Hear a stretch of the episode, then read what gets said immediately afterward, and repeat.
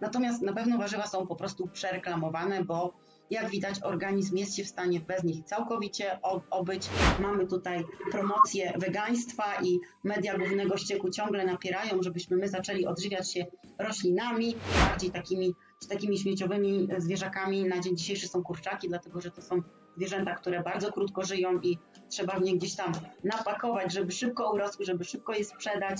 Więcej metali ciężkich zawierają kurczaki niż zawierają ryby.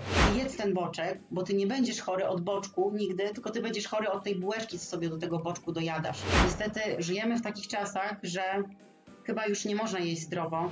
I rzeczywiście są badania, które potwierdzają, że osoby, które jedzą mięso, porównaniu do osób, które są wegetarianami, mają dużo lepszą pamięć.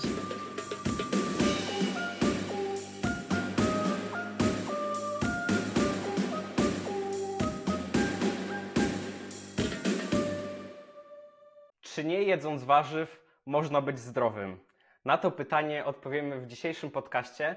Moim gościem jest Agata Jurkowska, w internecie znana jako Tusta Agata. Cześć Agata. Dużo kobiet się teraz oburzy. Jak mogłem powiedzieć tusta Agata? Ale taką masz ksywę, więc powiedz mi, dlaczego zdecydowałaś się w ogóle na taką nazwę siebie w internecie? Cześć Przemek, bardzo mi miło, że zaprosiłeś mnie do swojego podcastu. Więc e, no generalnie ten pomysł już mm, powstał jakiś czas temu, chyba nawet z pięć czy nawet więcej lat temu, wtedy kiedy założyłam swoje, e, sobie konto na Instagramie. I oczywiście wtedy już założyłam je jako Tusta Agata. Po prostu chodziło tutaj o to, żeby mm, tak jakby mm, tłuszcze, które są ogólnie źle kojarzone przez ogół społeczeństwa, bo wiadomo, że tłuszcze niestety jeszcze dzisiaj to, e, kojarzone są właśnie z otyłością czy z nadmiarem tkanki tłuszczowej. Natomiast no, my na dzień dzisiejszy wiemy, że mm, raczej to tak nie wygląda i dlatego, żeby tutaj te tłuszcze jakby tak troszkę im dobre imię przywrócić, nazwałam się właśnie tłustą Agatą. Poza tym też był to e, czas, kiedy gdzieś tam bawiłam się właśnie w ketozę, w dietę ketogeniczną, czyli tak jak to zawsze ludziom tłumaczyłam, że tutaj głównym substratem energetycznym dla mnie są właśnie tłuszcze, a nie węglowodany, tak jak dla większości osób. No i te tutaj dwie takie kombinacje sprawiły, że jednak e, ta tłusta Agata wygrała i, i, i taką tutaj ksywę sobie nadałam w internetach. Myślę, że już po części wiadomo, kim jesteś i czym się zajmujesz, ale czy mogłabyś to doprecyzować w tym momencie? Tak, jak najbardziej. Więc generalnie jestem dietetykiem klinicznym. E, jestem także psychodietetykiem. Skończyłam takie podyplomowe studia psychodietetyki. Oprócz tego jestem jeszcze trenerem personalnym. No i e, taką tutaj moją jeszcze specjalizacją, w której się gdzieś tam cały czas na bieżąco dokształcam, może też troszkę moim takim hobby, jest właśnie chronobiologia. Także staram się tutaj do klienta podejść holistycznie, bo wiadomo, że w dzisiejszych czasach już wiemy, że to nie tylko dieta decyduje o tym, czy jesteśmy zdrowi. Oczywiście dieta mm, tutaj bardzo dużo nam do tej kwestii zdrowia dodaje, Natomiast tak naprawdę wiemy, że mm, jeśli chodzi o nas, ludzi, jesteśmy mm, częścią środowiska, więc tak naprawdę cała chronobiologia, czy właśnie też aktywność fizyczna, która jest też po części częścią tej chronobiologii, to wszystko wpływa na nasze zdrowie, także no tutaj trzeba tutaj w pełni podejść do podopiecznego, żeby rzeczywiście mu w jakiś sposób pomóc w czasach, w jakich żyjemy. I właśnie dzisiaj porozmawiamy o diecie carnivore i o chronobiologii. Mała zmiana scenerii, mieliśmy trochę problemów, ale wracamy. I pytanie do Ciebie, Agata, jak zaczęła się Twoja przygoda z dietą carnivore? Bo nie jest to jednak dieta codzienna. Mhm.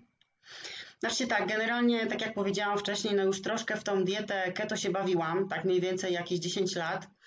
I e, gdzieś tam czytałam oczywiście w anglojęzycznym internecie, bo w Polsce jeszcze nie było informacji na ten temat, że jest taka dieta. Oczywiście ta dieta wtedy się nie nazywała dieta carnivore, czy, czy dieta mięsożercy w polskim tłumaczeniu, tylko ta dieta się nazywała dietą zero carb, czyli dietą zero węglowodanów.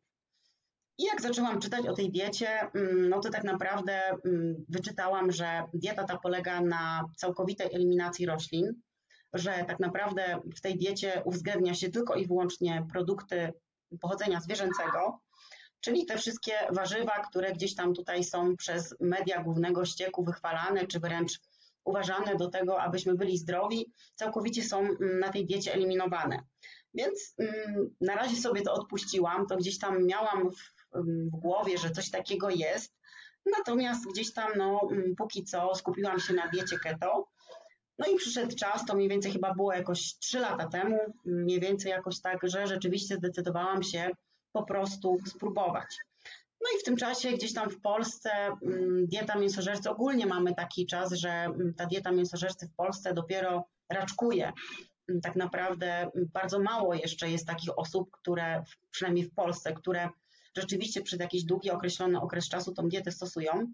Natomiast w Stanach to wygląda całkowicie inaczej. Tam są osoby, które już przez kilka, kilkanaście, czy nawet po dwadzieścia parę lat są na tej diecie mięsożercy, dlatego też tam jest generalnie dużo większa liczba takich osób, które też miały okazję wypróbować sobie, jak ta dieta sprawdza się przy różnego rodzaju chorobach chronicznych, bo tak naprawdę za pomocą tej diety praktycznie wszystkie choroby chroniczne jesteśmy w stanie wprowadzić w stan remisji.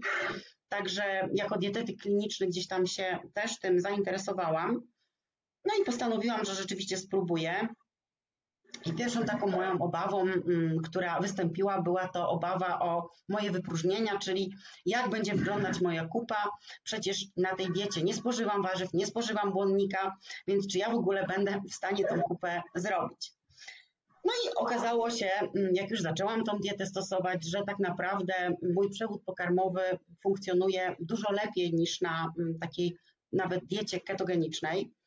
I ta kupa tak naprawdę przestała śmierdzieć, przestałam używać papieru toaletowego i mm, gdzieś tam te wypróżnienia są, były i są tak naprawdę regularne. Jeśli chodzi o ilość wypróżnień, no to tutaj też zależy od tego, ile jemy, jak dużo aktywności fizycznej mamy. Natomiast nawet jeśli ktoś jest na diecie mięsożercy i robi tą kupę raz na trzy dni, to nie jest nic niepokojącego. Także na pewno gdzieś tam poprawiło się także funkcjonowanie całego mojego przewodu pokarmowego, bo tak naprawdę na diecie mięsożercy twój przewód pokarmowy pracuje w taki sposób, przynajmniej powinien w taki sposób pracować, że tak naprawdę ty nie będziesz w ogóle odczuwał pracy, że coś tam się dzieje. Czyli nie ma prawa być żadnych gazów, nie ma prawa być żadnych wzdęć, żadnych bulgotań, żadnych przelewań w tych jelitach po prostu ty spożywasz posiłek i mm, po tym posiłku mm, tak naprawdę czujesz się tak samo jak przed posiłkiem, oprócz, też, oprócz tego, że gdzieś tam nie odczuwasz głodu. Więc na pewno, na pewno to się poprawiło. Mm, poza tym gdzieś tam, jeśli chodzi o dietę mięsożercy, to...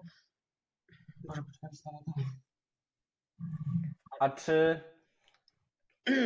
czy ty zaczęłaś tą dietę bardziej z przy, e, bardziej tak z ciekawości, czy może miałaś jakiś problem, który chciałaś rozwiązać? Nie, generalnie mm, jestem taką osobą, która raczej jest zdrowa. Jakieś tam parę dolegliwości, które mm, myślałam, że po prostu, tak jak to lekarze mówią, taki twój urok. Więc myślałam, że mm, parę dolegliwości, które ze mną są, że one są już ze mną na zawsze. Natomiast nie były to żadne choroby chroniczne. Także tak naprawdę, jeśli chodzi o funkcjonowanie, to u mnie głównie poprawa nastąpiła mm, właśnie na poziomie mózgu. Czyli rzeczywiście lepsza koncentracja, lepsze zapamiętywanie i yy, przede wszystkim właśnie ta pamięć gdzieś tam dużo lepsza, jeśli chodzi o dietę mięsożercy i lepsze skupienie.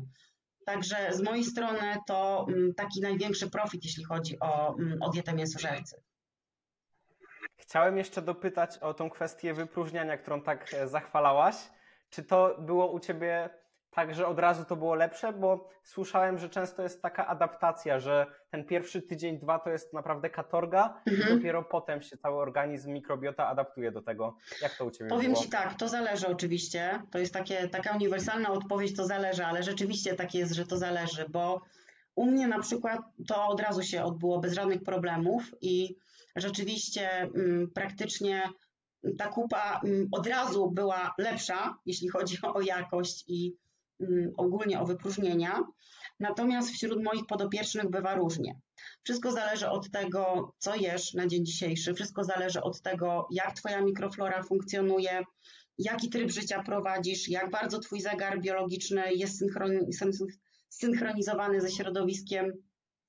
Bo tak naprawdę, jeśli chodzi o kwestię naszej mikroflory, to nie tyle jest tutaj istotny błonnik, co istotny właśnie jest nasz zegar biologiczny, bo tak naprawdę nasza mikroflora, tak jak my, podlega naszym rytmom okołodobowym. Jeśli nasz zegar jest prawidłowo synchronizowany ze środowiskiem i nasze zegary wszystkie są prawidłowo synchronizowane ze sobą, bo oprócz zegara głównego, który występuje w mózgu, w naszym jądrze nadskrzyżowaniowym, to mamy jeszcze zegary peryferyjne, czyli każdy nasz organ ma taki swój zegar peryferyjny.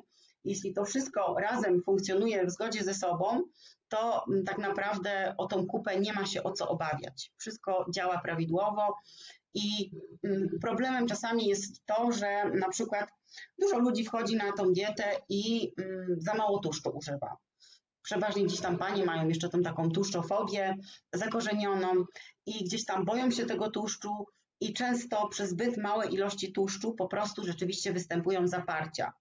Natomiast jeśli tego tłuszczu mm, w diecie się uwzględni więcej, no to absolutnie tych zaparć nie ma. Także mówię, no to jest kwestia indywidualna. Natomiast na pewno da się to wszystko wyprowadzić na prostą po adaptacji. Mhm. Na pewno zaraz szerzej poruszymy temat chronobiologii, a chciałbym Cię jeszcze zapytać, ile na ten moment jesteś już w diecie e, mięsożercy? Ja powiem tak, pierwsze moje podejście, mm, pierwsze moje podejście praktycznie skończyło się dosyć szybko, dlatego że u mnie był taki problem, że waga strasznie spadała. Ja już gdzieś tam nie chciałam więcej chudnąć, już gdzieś tam to, co wyrzeźbiłam, mi się podobało i po prostu nie mogłam zatrzymać tego spadku wagi. Także to było dla, mnie takim sygnałem, że no chyba jednak muszę te rośliny wprowadzić. I później miałam taki okres też jeszcze, bo gdzieś tam wtedy współpracowałam razem z Rafałem Wilkiem, my tam różne projekty robiliśmy i robiliśmy projekt taki właśnie, na której budowaliśmy masę mięśniową, no to wtedy te węglowodany już włączaliśmy do diety i to był chyba taki mój ostatni okres, kiedy ja te węglowodany w takich większych ilościach spożywałam. Natomiast no, po tym okresie już tak naprawdę na tego karniwora weszłam i mm, no i tak cały czas się na tym karniworze utrzymuję do tej pory. To ile to jest czasu? E, Wiesz co, no gdzieś tak będzie z dwa lata. Ciężko mi to teraz powiedzieć, ale tak mniej więcej będzie. Każdym razie no, na dzień dzisiejszy już wiem, że u mnie no po prostu muszę, bo ja mam dosyć dużo te, też aktywności fizycznej. Generalnie mm, no, ten trening u mnie praktycznie tylko w tygodniu, ale gdzieś tam w weekendy zawsze jakiś rower czy jakieś kajaki zawsze gdzieś tam wpadną.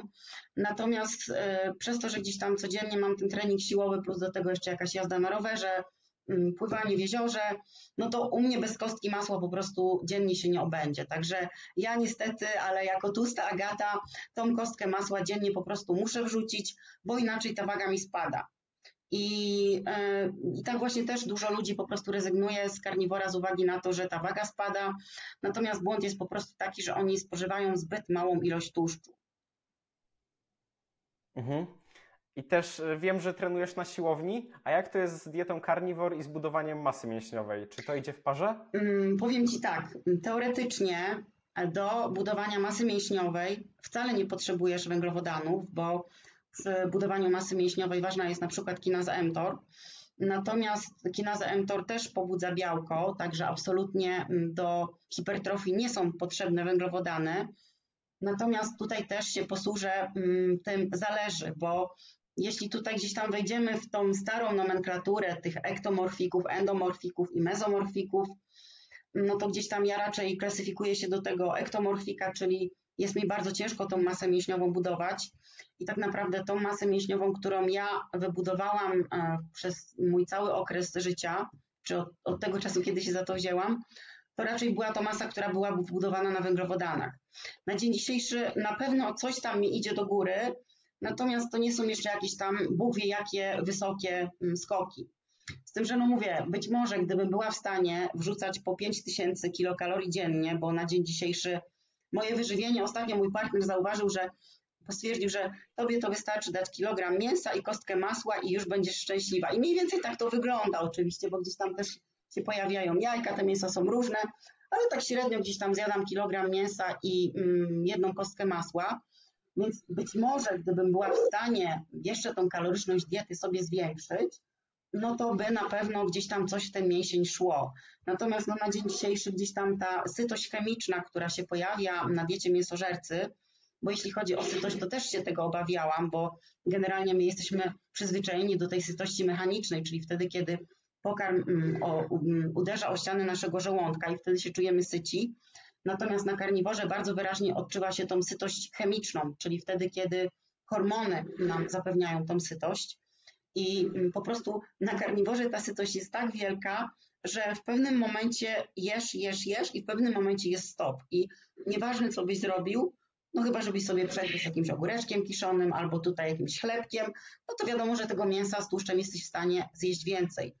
Natomiast jeśli ty stosujesz rzeczywiście czystego karniwora, stosujesz tylko i wyłącznie produkty odzwierzęce, to naprawdę mm, bardzo ciężko jest zjeść powyżej swojego zapotrzebowania kalorycznego. A jeśli my chcemy budować masę mięśniową, no to niestety musimy być na surplusie kalorycznym. Jest coś takiego jeszcze jak rekompozycja, czyli wtedy, kiedy my zamieniamy naszą tkankę tłuszczową na masę mięśniową. Oczywiście to tak kolokwialnie można powiedzieć, bo to dokładnie tak nie wygląda. Natomiast y, na diecie mięsożercy jak najbardziej tą rekompozycję można robić i ta rekompozycja też bardzo fajnie wychodzi. Natomiast już mówię o samą, samo budowanie masy mięśniowej, no na takim czystym karniworze bez spożywania owoców czy bez spożywania miodu jest to dosyć trudne. Ja właśnie z mojego doświadczenia mogę powiedzieć, że też jestem ektomorfikiem typowym i całe życie słodycze i tak dalej, No. próbowałem robić masę, to średnio wychodziło. Od jakiegoś czasu, jak jestem na keto, to zauważyłem, że łatwiej mi łapać tą masę. To tak myślę, że nietypowo w kontekście Super. innych osób, które właśnie częściej mają na odwrót. Mhm. Więc to tak ode mnie wy- wygląda. A chcę Cię jeszcze zapytać, jak podczas Twojej adaptacji do diety carnivore, y, jaki miałeś stosunek do smaku? Jedzenia ciągle tego samego. Czy to był duży problem dla Ciebie? Bardzo fajne pytanie zadałeś. Bardzo fajne pytanie, bo mm, wiele ludzi się tego obawia. A ja powiem tak, mm, jeśli ty zaczynasz jeść tylko i wyłącznie produkty odzwierzęce, to tak naprawdę magia jest w tym, że zaczynają ci smakować tylko i wyłącznie produkty odzwierzęce. I nawet jeśli ty codziennie będziesz jadł tylko i wyłącznie steka, to ten stek ci się nie nudzi. Oczywiście, mm, jeśli chodzi tutaj o, diecie, o dietę mm, karniwora, to też tutaj mamy różnego rodzaju odmiany, czyli mamy tą pierwszą, taką najbardziej podstawo- podstawową wersję, czyli Lion Diet, czyli to jest taka wersja, w której spożywamy tylko i wyłącznie wołowinę, pijemy wodę i jeszcze spożywamy sól. I rzeczywiście, jeśli chodzi o ten rodzaj diety mięsożercy, to jest taki model, który najfajniej się sprawdza wtedy, kiedy chcemy osiągnąć remisję z jakiejś na przykład choroby autoimmunologicznej, czy ogólnie, jeśli mamy jakąś chorobę chroniczną i najszybciej chcemy dojść do remisji, to rzeczywiście stosujemy Lion Diet. Oczywiście nie myślimy, ale jeśli ktoś ma na tyle psychicznej odporności, to gdzieś tam jak najbardziej może to zrobić. Natomiast jest jeszcze wersja ta od nosa do ogona, czyli gdzieś tam spożywamy całe zwierzęta razem z organami, czyli spożywamy także podroby, spożywamy także tkankę łączną. Także mm, no to jest taka mm, wersja najbardziej optymalna dla osoby, która chce tą dietę stosować już dosyć długo i mm, gdzieś tam mm, chce, żeby mm, swój, swój organizm zabezpieczyć we wszelkie różnego rodzaju mikroelementy i witaminy. Bo ja tutaj się jeszcze posłużę takim, mm, a propos właśnie warzyw i spożywania roślin, to ja tutaj się posłużę taką, mm, taką fajnym, takim fajnym wytłumaczeniem, który przedstawił Paul Saladino w swojej książce. Mm, Dieta karniwora, rozszerzeniem diety ketogenicznej. To jest w sumie jak na razie jedna, jedyna książka, która jest dostępna na polskim rynku z polskim tłumaczeniem dotycząca diety mięsożercy. Jest jeszcze mój e-book, który jest gdzieś tam też w grupie darmowy do ściągnięcia, także, mm, także jest mój e-book, ale jeśli chodzi o jakieś książki, to jest tylko i wyłącznie ta. No i Paul Saladino bardzo fajnie tam przetłumaczył, wytłumaczył, podzielił świat roślin i zwierząt tak jakby na dwa różne systemy operacyjne, tak? No bo wiadomo, rośliny odżywiają się materią nieorganiczną, mają inną biochemię, inne procesy niż ludzie czy zwierzęta, które odżywiają się materią organiczną i te procesy też są całkowicie inne. I chodzi o to, że przez to, że my na przykład spożywamy właśnie mm, produkty odzwierzęce, to tak jak powiedziałam, biochemia nasza i biochemia zwierząt jest taka sama. Więc tak naprawdę to w mięsie czy w produktach pochodzenia zwierzęcego znajdziemy najwięcej witamin w najbardziej przyswajalnych i biodostępnych formach i mięso ma też najmniej różnego rodzaju substancji antyżywieniowych, bo jeśli chodzi o rośliny, to ten temat też jest taki troszkę zamiatany pod dywan, ale w roślinach występuje bardzo dużo różnego rodzaju substancji antyżywieniowych, które ja nie mówię absolutnie, że dla każdego, ale w wielu jednostkach chorobowych są rzeczywiście problematyczne i wyłączenie tych substancji antyżywieniowych przynosi korzyści w postaci właśnie osiągnięcia remisji na przykład choroby autoimmunologicznej. Także mm, o to tutaj chodzi, że tak naprawdę my jedząc mięso dostarczamy tych witamin, tych minerałów, które rzeczywiście potrzebujemy my i nie musimy gdzieś tam jeść dużo tego wszystkiego. Także mm, no podsumowując, ta dieta karniwor mm, od nosa do ogona jest taka wersja, jest taką najbardziej optymalną. No i później mamy już takie bardziej jeszcze liberalne te wersje, czyli na przykład możemy sobie zrobić karniwora, w którym na przykład dopuszczamy warzywa mm, takie, które mają najmniej substancji antyżywieniowych, albo na przykład warzywa, które są fermentowane, bo fermentacja też obniża ilość większości substancji antyżywieniowych. Także no, im dalej już, tym bardziej liberalnie. Natomiast, no tak jak powiedziałam, jeśli ktoś zaczyna jeść produkty pochodzenia zwierzęcego, to naprawdę te warzywka mu przestają smakować. Ja... Krótki przerywnik. Jeżeli dalej słuchasz tej rozmowy, to znaczy, że Cię zainteresowała. Chcesz widzieć więcej rozmów tego typu? Zostaw teraz pod tym filmem łapkę w górę, daj oczywiście subskrypcję i w komentarzu zostaw taką oto emotkę małpki. Pokazuje mi ona, że nie jesteś botem, a prawdziwym Homo sapiens. A w dodatku wspierasz cały projekt oraz moje morale. Dziękuję i wracamy teraz do rozmowy. Pamiętam, że mój pierwszy rok na diecie mięsożercy to gdzieś tam jeszcze szłam na ryneczek, bo na ryneczku kupowałam jaja. No i zdarzyło mi się kupić, nie wiem, kilogram pomidorów czy czegoś, to wracałam do domu, zjadłam jednego pomidora i, i później to po prostu się psuło, ja to wywalałam.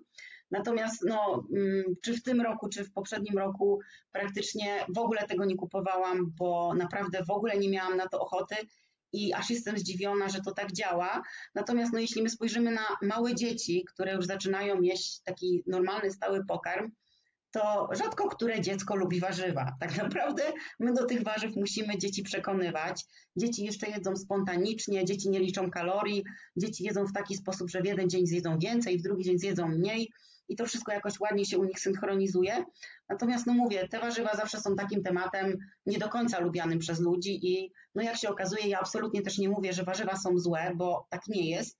Natomiast na pewno warzywa są po prostu przereklamowane, bo jak widać, organizm jest się w stanie bez nich całkowicie obyć, a wręcz nawet w niektórych jednostkach chorobowych eliminacja warzyw przynosi nam więcej profitów niż ich obecność w diecie. Warto wspomnieć, że podroby to są najgęstsze odżywcze produkty tak. dostępne na rynku. Ale chciałbym Cię jeszcze dopytać o te warzywa, które mają mało tych substancji antyżywieniowych. Co tak, to są za warzywa? Tak. Dokładnie. Znaczy, generalnie na pewno, tak jak powiedziałam, to będą te wszystkie warzywa, które są fermentowane. Najwięcej substancji antyżywieniowych na pewno będą zawierać wszystkie rośliny psiankowate, czyli pomidor, papryka, bakłażan, ziemniak, tytoń. To jest, to jest taka grupa tych roślin psiankowatych i one rzeczywiście tych roślin, tych substancji antyżywieniowych, głównie chodzi tutaj o lektyny, bo jeśli chodzi tutaj o mm, różnego rodzaju choroby chroniczne, to wydaje mi się, że lektyny są taką mm, najbardziej istotną grupą składników antyżywieniowych z uwagi na ich wpływ na jelita, na naszą mikroflorę, ponieważ one przyczyniają się do nieszczelności jelit. Także lektyny są bardzo ważną grupą, jeśli chodzi o substancje antyżywieniowe. Poza tym mamy też właśnie kwas fitynowy, który tak naprawdę powoduje, że my, mm, on po prostu wiąże różnego rodzaju minerały. I jeśli my na przykład jemy jakiś posiłek, w, których jest, którym jest na przykład dużo cynku, dużo żelaza, dużo miedzi, e, wapnia i jakichś jeszcze innych minerałów, i na przykład jeśli w tym naszym posiłku jest także kwas fitynowy, to bardzo prawdopodobne jest to, że część tych minerałów zwiąże po prostu kwas fitynowy i usuniemy to razem z kupą. Zresztą bardzo podobnie działa błonnik. On też gdzieś tam wiąże nam te różnego rodzaju minerały. Poza tym w roślinach są też inhibitory enzymów trawiennych, czyli takie substancje, które będą blokowały działanie naszych enzymów trawiennych i przez co będą nam utrudniać trawienie. Także mm, no, jeśli chodzi o te rośliny, które zawierają najmniej substancji antyżywieniowych, to według mnie to na pewno będą to wszystkie formy warzyw, które są kiszone.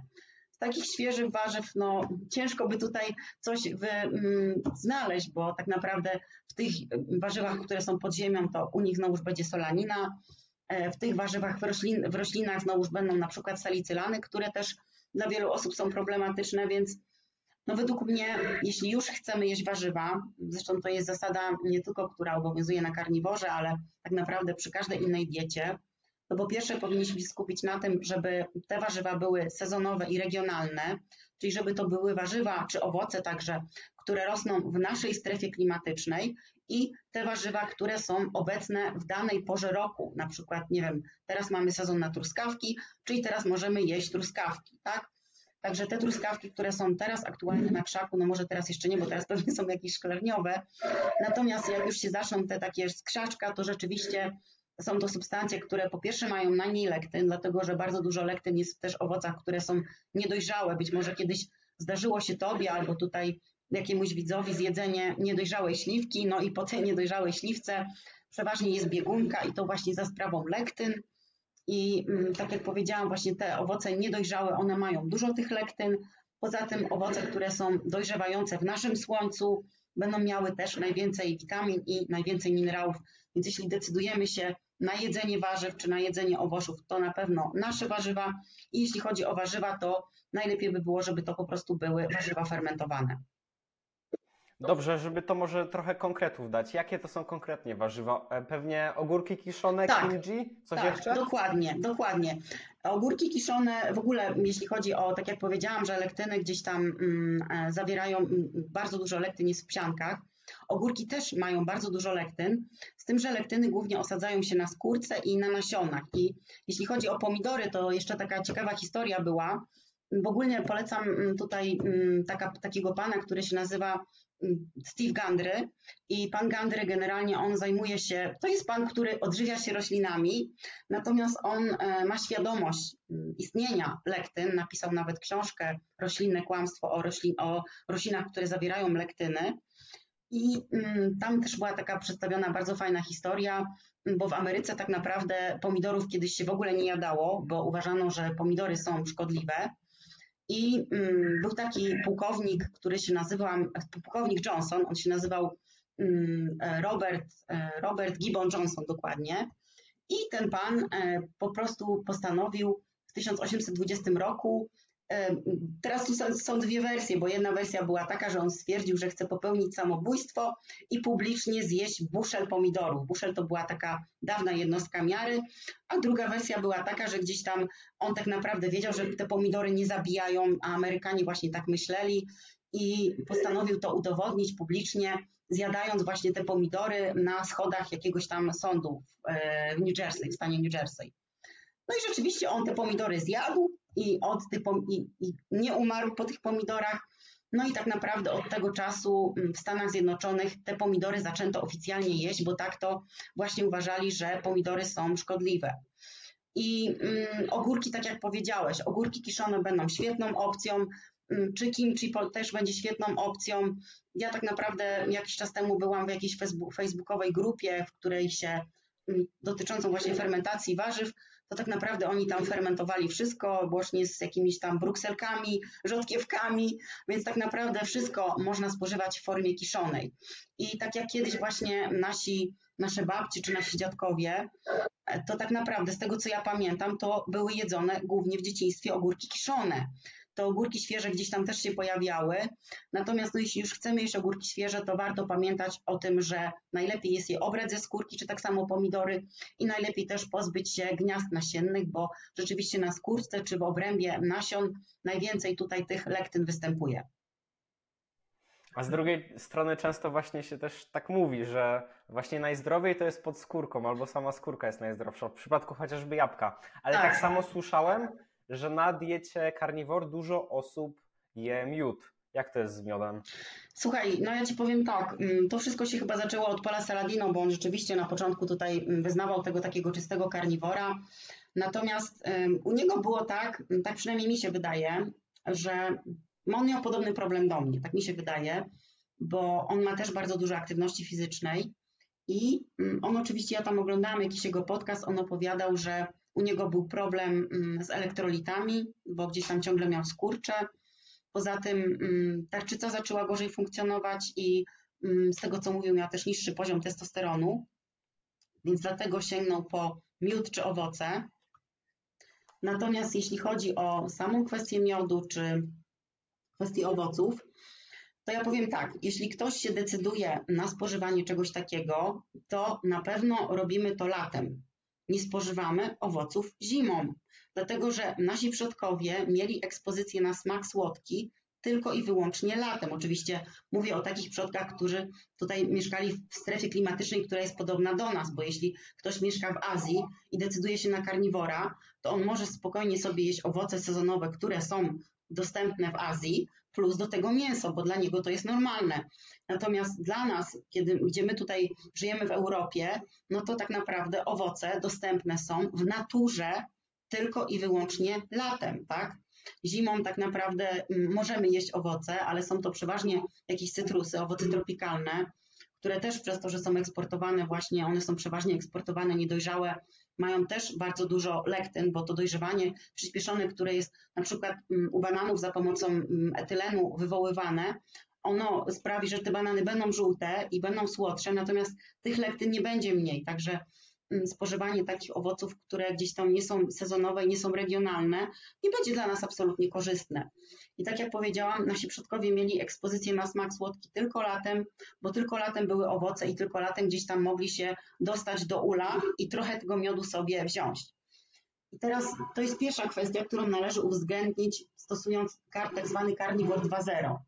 I jeśli ja widzę, że ktoś stosuje Carnivore 2.0 i zimą mi się obiada bananami, ananasami i jakimiś innymi cytrusami, no to sorry, ale to nie jest żaden Carnivore 2.0, tylko to jest praktycznie, no może nie śmieciowa dieta, ale, ale na pewno to nie jest karniwor. Więc na pewno należy o tym pamiętać. Natomiast jeśli chodzi o sam miód i owoce, to tutaj też może pojawić się parę problemów, bo na przykład jeśli chodzi o fruktozę, Mm, to powiem tak, jeśli ktoś na przykład mm, wpadnie na pomysł, że będzie budował masę na karniworze 2.0 i będzie obiadał się owocami i mm, tłuszczem zwierzęcym, gdzie to głównie są tłuszcze nasycone i plus do tego miód i połączenie dużej ilości węglowodanów, a konkretnie glukozy i połączenie dużej ilości kwasów tłuszczowych nasyconych nie jest dobrą opcją. W naturze nie ma ani jednego takiego produktu, który ma w sobie zarówno glukozę, duże ilości oczywiście, jak i duże ilości kwasów nasyconych. Takie połączenie będzie nam zaburzać naszą elastyczność metaboliczną, więc na pewno nie będzie to dobra opcja dla osoby, która chce budować masę na karniworze, tak?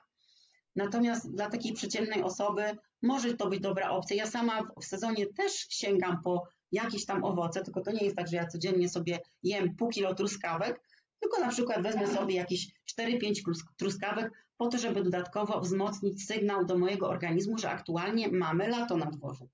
Także to jest tylko i wyłącznie mój cel po to. Natomiast jeśli też spojrzymy sobie na choroby chroniczne, które tutaj chcemy wprowadzić w remisję na karniworze, no to wiadomo, że mm, tak naprawdę praktycznie wszystkie choroby chroniczne są to choroby insulinozależne. I teraz jeśli my spożywamy miód, miód wywala insulinę tak samo jak cukier. Nie ma tutaj opcji, dlatego że to jest zwykły cukier pod względem biochemicznym i po prostu jeśli chodzi o hormony, działa na nasz organizm tak samo jak sacharoza, czyli cukier w cukierniczce. Więc jeśli my chcemy wprowadzić w remisję, nie wiem, chorobę Alzheimera na przykład, gdzie wiemy na dzień dzisiejszy, że choroby, czy Alzheimer, czy choroba Parkinsona są to tak naprawdę cukrzyca trzeciego typu, czyli jest to też choroba, która jest powiązana ze spożywaniem węglowodanów, oczywiście nie tylko, ale także, czy na przykład chcemy wprowadzić w remisję jakąś chorobę z autoagresji, czy na przykład chcemy schudnąć, no to tutaj też eliminacja tych owoców i eliminacja miodu da nam więcej korzyści niż posiadanie ich w diecie. Poza tym warto mieć na, na uwadze to, że po pierwsze rośliny są genetycznie modyfikowane, owoce także i owoce są modyfikowane w taki sposób, żeby właśnie tej fruktozy było coraz więcej. Poza tym, jeśli chodzi już o same warzywa, to lektyny, o których mówiłam, należą do takich naturalnych, mm, naturalnej broni chemicznej, jeśli chodzi o rośliny, bo my jako ludzie potrafimy gdzieś tam uciec, pobić się i w taki sposób możemy się bronić. Natomiast rośliny tej broni nie posiadają i właśnie mm, ich bronią są te różnego rodzaju substancje chemiczne, które wytwarzają, które okazuje się, że dla nas mogą być jako ludzi czy dla zwierząt też są problematyczne. No i na przykład właśnie gdzieś tam jeśli chodzi o, mm, o lektyny, czy właśnie o, o, mm, o fruktozę, bo te modyfikacje genetyczne dążą do zwiększenia fruktozy, natomiast w jakichś zbożach czy jakichś warzywach, to te modyfikacje dążą do tego, żeby zwiększyć ilość właśnie tych naturalnych pestycydów w roślinach. Dlatego, że później już ktoś nie musi tyle czasu poświęcać na opryski, bo ta roślina jest tak genetycznie zmodyfikowana, że ma tak dużo lektyn, że ten robaczek już na nią nie siądzie i, nie, i jej nie zje. I jeszcze tylko jeśli chodzi o samą fruktozę, to wiadomo, że tak naprawdę mm, fruktoza jest powodem mm, wielu chorób chronicznych, na przykład jeśli chodzi o słynną dnę moczanową. Ja tutaj cały czas dostaję zapytania o tą nieszczęsną dnę moczanową i jak to jest z dną i mięsem. No niestety, jeśli chodzi o główny powód wytwarzania się, wytrącania kryształków kwasu moczowego, to tutaj musimy spożywać albo bardzo duże ilości fruktozy, albo bardzo duże ilości alkoholu. Więc fruktoza będzie tutaj problematyczna, jeśli chodzi o dnę. Fruktoza też jest takim cukrem, który bardzo intensywnie nasila procesy glikacji, czyli to są takie procesy, ja już tutaj może nie będę się w, mm, w to wdawać, natomiast są to takie procesy, które w naszym organizmie zachodzą w trakcie starzenia się organizmu. Za te procesy odpowiadają cukry redukujące. One po prostu reagują, czy to z białkami, czy to z kwasami nukleinowymi, czy z tłuszczami, i powodują po prostu, że takie białko staje się nie tylko dysfunkcyjne, ale one także zalega w naszym organizmie. To się nazywa tak zwane age, czyli zaawansowane produkty glikacji i bardzo trudno jest to usunąć z naszego organizmu. Między innymi akumulacji tych zaawansowanych produktów glikacji zapobiega karnozyna, którą znajdziemy w mięsie więc można powiedzieć, że karnozyna będzie w jakiś sposób tutaj sprzyjać zablokowaniu tej glikacji. Poza tym warto wspomnieć to, że fruktoza będzie także powodować stłuszczenie wątroby, więc jeśli ktoś ma stłuszczenie wątroby i planuje tutaj na diecie mięsożercy schudnąć czy tą wątrobę odtłuścić, to dużo więcej profitów osiągnie z eliminacji fruktozy. I fruktoza też jest takim cukrem, który gdzieś tam powoduje, że mamy w organizmie mniej dostępnej witaminy D3 w postaci formy aktywnej, czyli w postaci kalcytriolu, bo ona będzie nam blokować tą konwersję do tej ostatecznej już formy aktywnej witaminy D3. Także jeśli chodzi o samą fruktozę, to ja bym powiedziała tak, no na pewno w małych ilościach. U osób, które są zdrowe, które też nie mają zaburzonej wrażliwości na insulinę, ona na pewno problemu nie zrobi. Natomiast no, my żyjemy w takich czasach, że zwłaszcza w tej żywności przetworzonej jest tak duża ilość, przez te syropy wysokofruktozowe jest tak duża ilość fruktozy, że my po prostu ewolucyjnie się jeszcze nie zdążyliśmy do niej przystosować. Więc no, z mojej perspektywy Carnivore 2.0 raczej, raczej latem i raczej u osób, które mają ten metabolizm całkowicie zdrowy. A jeżeli chodzi o jedzenie przed treningiem, Mhm. Czy macie jakieś takie protokoły, na przykład właśnie miód, czy y, funkcjonujecie całkowicie w stanie ketozy na treningu? Przemek, to zależy. Ja Ci powiem tak, mam osoby, teraz na przykład prowadzę mm, takiego podopiecznego, Grzesia, bardzo serdecznie go pozdrawiam. I Grzesiu bardzo dużo biega. I gdzieś tam e, na co dzień on raczej z tych węglowodanów nie korzysta, natomiast jak ma już jakiś tam ultra, jakiś tam maraton, czy ten bieg jest taki właśnie dłuższy, całodzienny, to gdzieś tam po, to, po te węglowodany sięga. Czy to jest miód, czy są banany, czy to są banany, to też zależy od tego, czy właśnie jakieś polskie owoce sezonowe, bo wśród tych polskich owoców sezonowych na dzień dzisiejszy no ciężko znaleźć takie owoce, które będą mm, miały bardzo dużo mm, właśnie cukru, bo owoce jagodowe mają tego cukru mniej. Także ja gdzieś tam też w takich wypadkach korzystam z tych bananów. Natomiast mm, wszystko zależy od tego, jaki ty masz rodzaj treningu, bo ja na przykład przy moim treningu siłowym absolutnie czegoś takiego nie potrzebuje. I są osoby, które na przykład będą miały ciężko na początku, ale to jest to samo co na diecie ketogenicznej, tak? Dopóki organizm nie przestawi się na po pierwsze wytwarzanie ciał ketonowych, po drugie metabolizm ciał ketonowych, oczywiście zakładając, że jesteśmy na mm, karniworze cały czas w stanie ketozy, no to rzeczywiście jakieś spadki energii mają prawo się pojawiać, zwłaszcza jeśli to jest jakiś taki bardzo intensywny, beztlenowy już wysiłek, to jak najbardziej takie spadki energii mogą się pojawiać. Natomiast mm, jeśli te spadki energii się pojawiają cały czas, to świadczy po prostu tylko o tym, że mm, ta nasza elastyczność metaboliczna jest jeszcze cienka i że tutaj należy popracować nad tym aspektem, a niekoniecznie włączać węglowodany, bo Kiedyś w dawnych czasach to jeśli chodzi o sam stan ketozy, to on zachodził spontanicznie. My w czasach prehistorycznych, wtedy kiedy gdzieś tam jeszcze mm, byliśmy ludźmi pierwotnymi, to zimą spontanicznie wchodziliśmy w stan ketozy, dlatego że stan ketozy jest to taki stan, który zabezpiecza nas przed śmiercią głodową i po prostu zimą, wtedy kiedy nie było roślin, to tak naprawdę byliśmy skazani tylko na to, co upolujemy, tak? Czyli jeśli upolowaliśmy jakiegoś tam mamuta, czy tygrysa szamblozemnego, czy coś innego, to odżywialiśmy się tym. Natomiast jeśli nie udało nam się nic upolować, to po prostu robiliśmy posty. I w dawnych czasach taki okres postu, postu był, przeplatany, był przeplatany okresem uczty i to mniej więcej tak wyglądało. Natomiast na dzień dzisiejszy to tak naprawdę to, co większość ludzi dzisiaj ma, to jest jeden wielki okres uczty. Tych postów już nie ma i przez to niestety ta nasza elastyczność metaboliczna jest zaburzona i takie osoby, które tej elastyczności metabolicznej nie posiadają, one jak najbardziej mają prawo czuć się zwłaszcza na początku kiepsko, czy to na diecie keto, czy to na diecie mięsożercy. Natomiast jeśli już popracujesz nad tym, to mm, nie ma prawa być tak, że będziesz się czuł jakoś słabo, źle czy ogólnie kiepsko.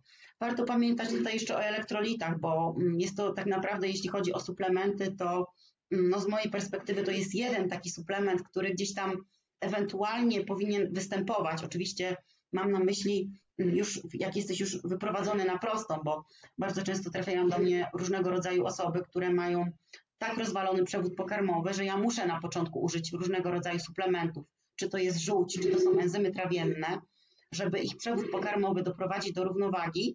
Natomiast no dopiero potem możemy już przejść na takiego czystego karniwora i tak naprawdę wykluczyć wszystko, zostawić tylko te elektrolity, ale to też mówię, to jest kwestia indywidualna, bo są nawet u nas w grupie są osoby, które tych elektrolitów w ogóle nie stosują, ja na dzień dzisiejszy mm, magnez co jakiś czas przynajmniej muszę suplementować, bo gdzieś tam te skurcze się pojawiają. E, soli już tak jak kiedyś, że tam tą łyżeczkę sobie jadłam, to praktycznie już teraz tego nie robię, natomiast bardzo dużo solę posiłki, ale jak robię sobie post, taki powiedzmy sobie jednodniowy bądź dłuższy, no to wtedy rzeczywiście po tą sól sięgam, bo ona rzeczywiście daje takiego fajnego, odczuwalnego kopa, jeśli stosujesz post. Także, także tak to wygląda. Dieta carnivore mocno zagląda i patrzysz w życie przodków. I tak ciekawi mnie, z czego wynika to, że akurat magnez, potas należy suplementować. Jak wiesz, kiedyś nasi przodkowie to zdobywali? Wiesz co, kiedyś to wyglądało tak, że właśnie to jest taki fajny argument, którym tutaj się ludzie posługują. Kiedyś to wyglądało tak, że nasi przodkowie po prostu pili krew zwierząt. No my dzisiaj już tego nie robimy, niestety. Oczywiście jak ktoś ma możliwość picia krwi zwierząt, to jak najbardziej polecam. No ja natomiast nie mam takiej możliwości. Mm, bardzo fajnie w to miejsce można sobie wstawić rosoły, tak? Długo gotowane rosoły, takie rosoły gotowane na kościach szpikowych. Takiego, takie rosoły się gotuje około 8 godzin, czy nawet dłużej. I rzeczywiście część przynajmniej z tych mikroelementów, czy mm, właśnie soli mineralnych przechodzi do, czy ultraelementów przychodzi właśnie z kości do roztworu i takie rosoły przynajmniej po części można sobie te elektrolity uzupełnić. No ale też mm, zawsze warto spojrzeć na to, że no nasi przodkowie rzeczywiście polowali za tą zwierzyną, natomiast no, my w dzisiejszych czasach mamy jakichś ultramaratończyków i ta aktywność fizyczna jest większa niż była kiedyś. I dlatego też być może niektóre osoby tych elektrolitów po prostu te elektrolity muszą dostarczać, a u innych osób, u których te osoby, które są nieaktywne fizycznie, te elektrolity po prostu są zbędne. Też się domyślam, że kiedyś woda była bogatsza we wszelkiego tak. rodzaju właśnie elektrolity. Dokładnie. Mam do Ciebie tak teraz kolejne mówisz. pytanie. Woda, czy gleba, wszystko. Ludzie, czy istnieją ludzie, którzy gdyby przeszli na karniwora, to nigdy w pełni by się nie zaadaptowali do tej elastyczności, ponieważ genetycznie nie są do tego predysponowani? Wiesz co, może tak być, ale tutaj też mm, wchodzimy, wchodzimy już też w zagadnienia bo teraz tak, możesz sobie karniwora tak prowadzić, że na przykład będziesz w stanie ketozy, prawda?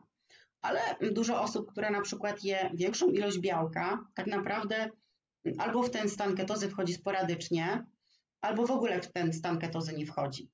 Więc możemy tutaj się doszukiwać różnego rodzaju problemów, jeśli chodzi o naszą genetykę, ale to będziemy kręcić się cały czas wokół tych samych osób, które nie mogą być na diecie ketogenicznej, czyli to są osoby, które właśnie z powodu różnego rodzaju polimorfizmów nie mogą czy wytwarzać ciał ketonowych, czy tych ciał ketonowych nie mogą metabolizować. Więc ta elastyczność metaboliczna będzie u nich zawsze upośledzona, niestety. Natomiast e, te osoby mogą po prostu sobie spróbować właśnie mm, karniwora, ale niekoniecznie wchodząc w stan ketozy, czyli bardziej bezpośrednio spalając kwasy tłuszczowe, a nie czerpiąc energię z ciał ketonowych, tylko czerpiąc energię z samych kwasów tłuszczowych. Także jest coś takiego możliwe, ale wtedy radziłabym, żeby raczej nie próbować wejść w ten stan ketozy, tylko raczej obracać się w obrębie właśnie wysokiego białka, czy miałam też, raz prowadziłam taką mm, dziewczynę, pamiętam, ona miała problem właśnie z ketoraż, czyli z tą taką wysypką, no i u niej, ja rzeczywiście u niej się sprawdziło mm, duża ilość białka i praktycznie to ketoraż całkowicie zniknęło. No i gdzieś tam właśnie jako sytuację awaryjną miała jakieś tam owoce, żeby w razie co ewentualnie sobie podjeść tych owoców, żeby gdzieś tam w ten stan ketozy się nie wprowadzać. I o jak dużej grupie ludzi mówimy? Jednym procencie populacji? Więcej, mniej? O, myślę, że tak, że to raczej więcej nie, nie ma opcji. Znaczy wiesz, na dzień dzisiejszy, bo patrząc na to, co się dzieje, jak y, coraz więcej tutaj różnego rodzaju upośledzeń genetycznych powstaje z uwagi na nasze środowisko, z uwagi na promieniowanie elektromagnetyczne, że no na dzień dzisiejszy pewnie jest to 1%, ale no nie wiadomo, jak to będzie wyglądało za 10, 20 czy 30 lat. Nie? Mhm, rozumiem. Wspominałaś też, że rośliny teraz są pryskane, że nie są tymi samymi roślinami co kiedyś, ale tak samo jest poniekąd z mięsem. To mięso teraz jest hodowane często na antybiotykach, potem jest wstrzykiwane w nie coś, żeby zwiększyć masę i tak dalej. Więc jakie mięso należy wybierać, żeby było zdrowe? Jakie wy wybieracie? Okej. Okay. Bardzo fajne też pytanie.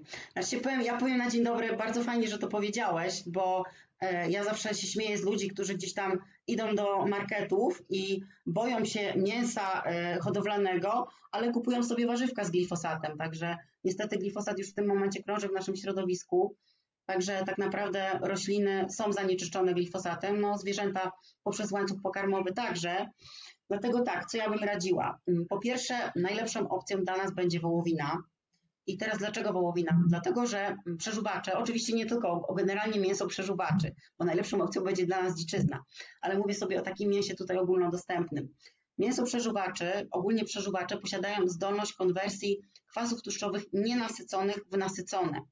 Bo jeśli my na przykład odżywiamy się wieprzowiną, to przez to, że świnie są na dzień dzisiejszy karmione zbożem, to wieprzowina zawiera bardzo duże ilości kwasu omega-6 czyli kwas omega-6, kwas linolowy, który jest takim kwasem prozapalnym i tak naprawdę, tak naprawdę według mnie to produkty utlenienia kwasu linolowego są dużo gorsze niż cukier, jeśli chodzi o nasze odżywianie, dlatego że utleniony kwas linolowy będzie przede wszystkim niszczył kardiolipinę w naszych mitochondriach, więc mm, tak jak powiedziałam, według mnie jest to większe, większe zagrożenie niż sam cukier.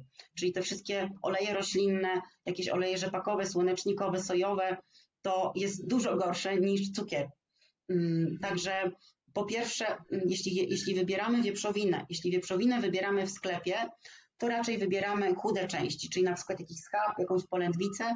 Natomiast jeśli mamy ochotę na karkówkę, mamy ochotę na żeberka, to lepiej tą wieprzowinę sobie mm, zakupić u jakiegoś znanego, czy mm, teraz jest dużo firm generalnie, jeśli chodzi o mięso, bo wiadomo, jak aktualnie wygląda sytuacja z mięsem, że mamy tutaj promocję wegaństwa i media głównego ścieku ciągle napierają, żebyśmy my zaczęli odżywiać się roślinami. Dlatego gdzieś tam też powstaje dużo takich, ja przynajmniej na Facebooku widzę takich jakichś alternatywnych mm, firm, które to mięso lepszej jakości oferują. U nas na grupie jest także mm, taki chłopak, który sam posiada, się może to nie są jego, ale gdzieś tam z rodziny jego krowy, jego świnie. Także bardzo dużo osób u nas z grupy zamawia mięso u niego. Więc mm, podsumowując, jeśli wybieramy mięso, to na pewno na pierwszym miejscu będzie wołowina, żeby uniknąć nadmiaru kwasu linolowego w diecie. A jeśli chodzi o, mm, o takie mm, zwierzęta, to zawsze na pierwszym miejscu będzie dziczyzna, tak? Czyli zawsze lepsze będzie takie mięso, do którego człowiek jeszcze swoich pięciu groszy nie dodał, niż takie mięso gdzieś tam hodowane komercyjnie. Czyli mamy dziczyznę, jeśli chodzi o dziczyznę, to przeżuwacze to będziemy mieli właśnie jakieś jelenie, sarny, Natomiast dziki też jak najbardziej, aczkolwiek dziki już do przeżuwaczy nie należą, ale należą też do dziczyzny. Także zawsze na pierwszym miejscu będzie dziczyzna. później będzie wołowina właśnie z uwagi na małą ilość kwasu linolowego. No i oczywiście do dziczyzny też jakieś dzikie ptaki zaliczymy, jakieś tam kaczki i inne rzeczy. No i później po, mm, po, po tej wołowinie będzie gdzieś tam, mm, można powiedzieć, że praktycznie drób, ten oczywiście hodowlany, będzie klasyfikował się mniej więcej na tej samej pozycji co wieprzowina, aczkolwiek wiadomo, że zawsze też będzie lepszy indeks niż kurczak, bo chyba tak naprawdę najbardziej takimi, takimi śmieciowymi zwierzakami na dzień dzisiejszy są kurczaki, dlatego że to są zwierzęta, które bardzo krótko żyją i trzeba w nie gdzieś tam napakować, żeby szybko urosły, żeby szybko je sprzedać. Także kurczaki mm, według mnie będą najbardziej takie niebezpieczne. Natomiast e, najlepiej oczywiście, jeśli mamy dostęp, jeśli mamy fundusze, to kupować mięso z jakiegoś sprawdzonego źródła.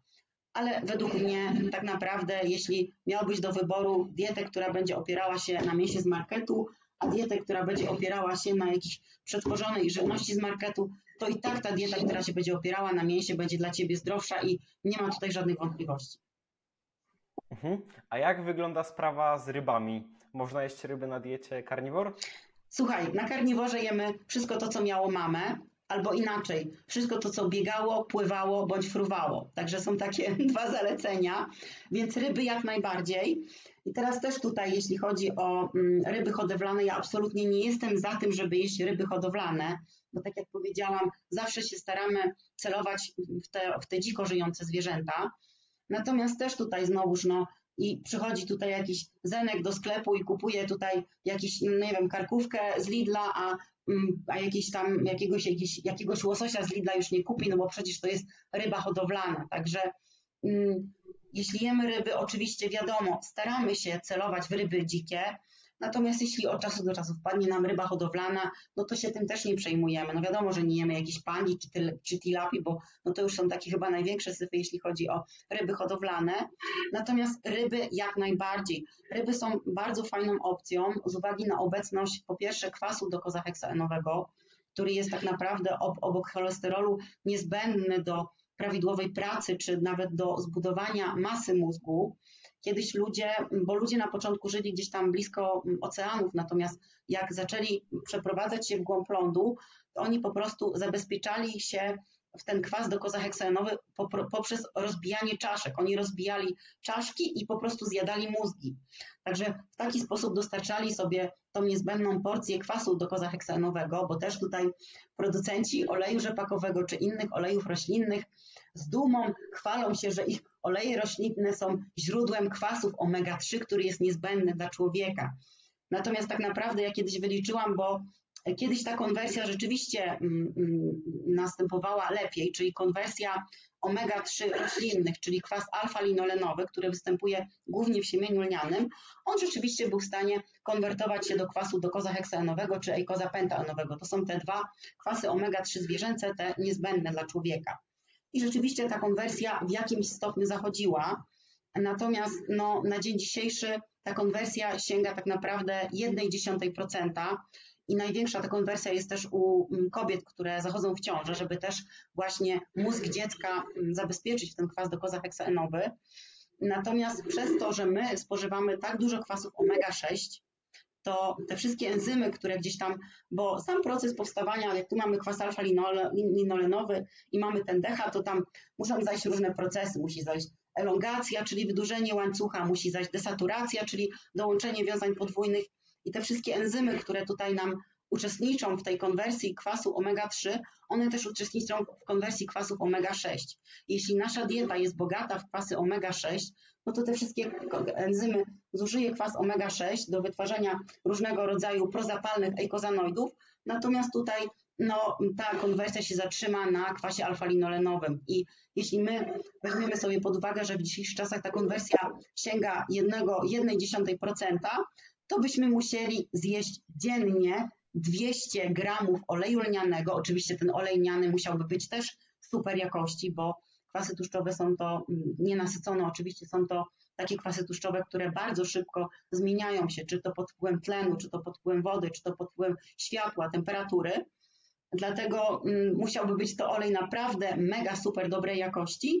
No i dziennie musiał być codziennie zjeść 200 gramów takiego oleju, żeby się zabezpieczyć w kwas dokozaheksaenowy w 2 gramy konkretnie kwasu dokozaheksaenowego.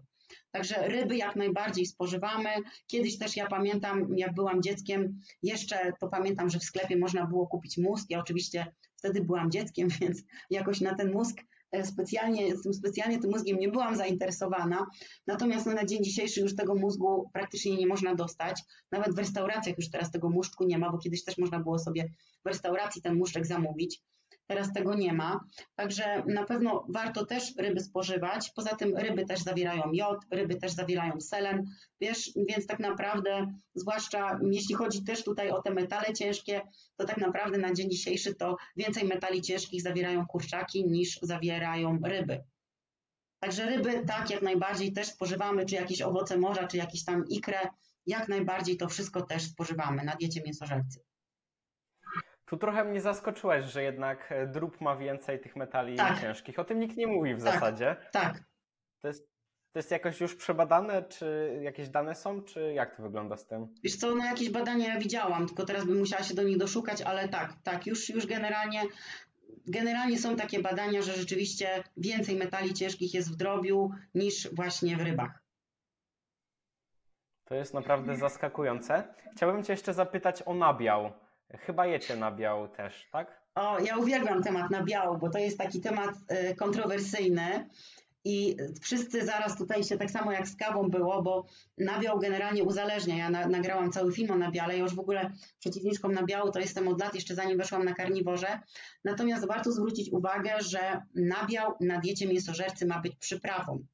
To nie jest tak, że ja sobie dziennie będę zjadać po 300 gramów sera żółtego i na tym będę opierać swojego karniwora, no bo niestety tak to nie działa. Oficjalnie nabiał na diecie mięsożercy ma być przyprawą, czyli na przykład smażysz sobie jakieś tam kotlety, masz ochotę sobie posypać trochę jakiegoś tam serka żółtego, żeby on się roztopił, to jest jak najbardziej ok. Natomiast robienie sobie posiłków z samego nabiału, mm, to, to nie jest już dieta mięsożercy. Nabiał generalnie, ja tutaj no, też nie chcę aż tak szczegółowo w to wchodzić, natomiast mm, nabiał krowi mm, uzależnia, dlatego że po spożyciu właśnie nabiału z kazeiny, czy kazeina to jest jedno z białek mleka, bo mamy dwa główne białka mleka, czyli kazeina i, białka serwatkowe. I z kazeiny powstaje tak zwany BCM7, czyli to jest taki opioid pokarmowy, który zwłaszcza u osób, które mają jakieś problemy ze szczelnością jelit, czyli na przykład osoby, które mają mm, różnego rodzaju choroby autoimmunologiczne, to gdzieś tam on przenika przez tą naszą barierę jelitową i przenika przez barierę krew-mózg i dociera do naszych receptorów opioidowych mózgu i po prostu uzależnia. I to od razu widać, bo gdzieś tam zawsze te osoby, które są uzależnione od nabiału, zawsze będą tego nabiału, nieważne co będą tego nabiału bronić. Także to, że on uzależnia, to jest jeszcze mały problem, natomiast on jest powodem też właśnie samej nieszczelności jelit. On jest powodem też, mm, jeśli chodzi o choroby autoimmunologiczne, to generalnie sam BCM7 jest powiązany też z cukrzycą typu pierwszego, także ogólnie przy każdej chorobie z autoagresji nabiał lepiej wyłączyć. Jeśli już spożywamy nabiał, to lepiej postawić na nabiał owczy bądź nabiał kozi, Mm, to na pewno będzie mniejsze zło.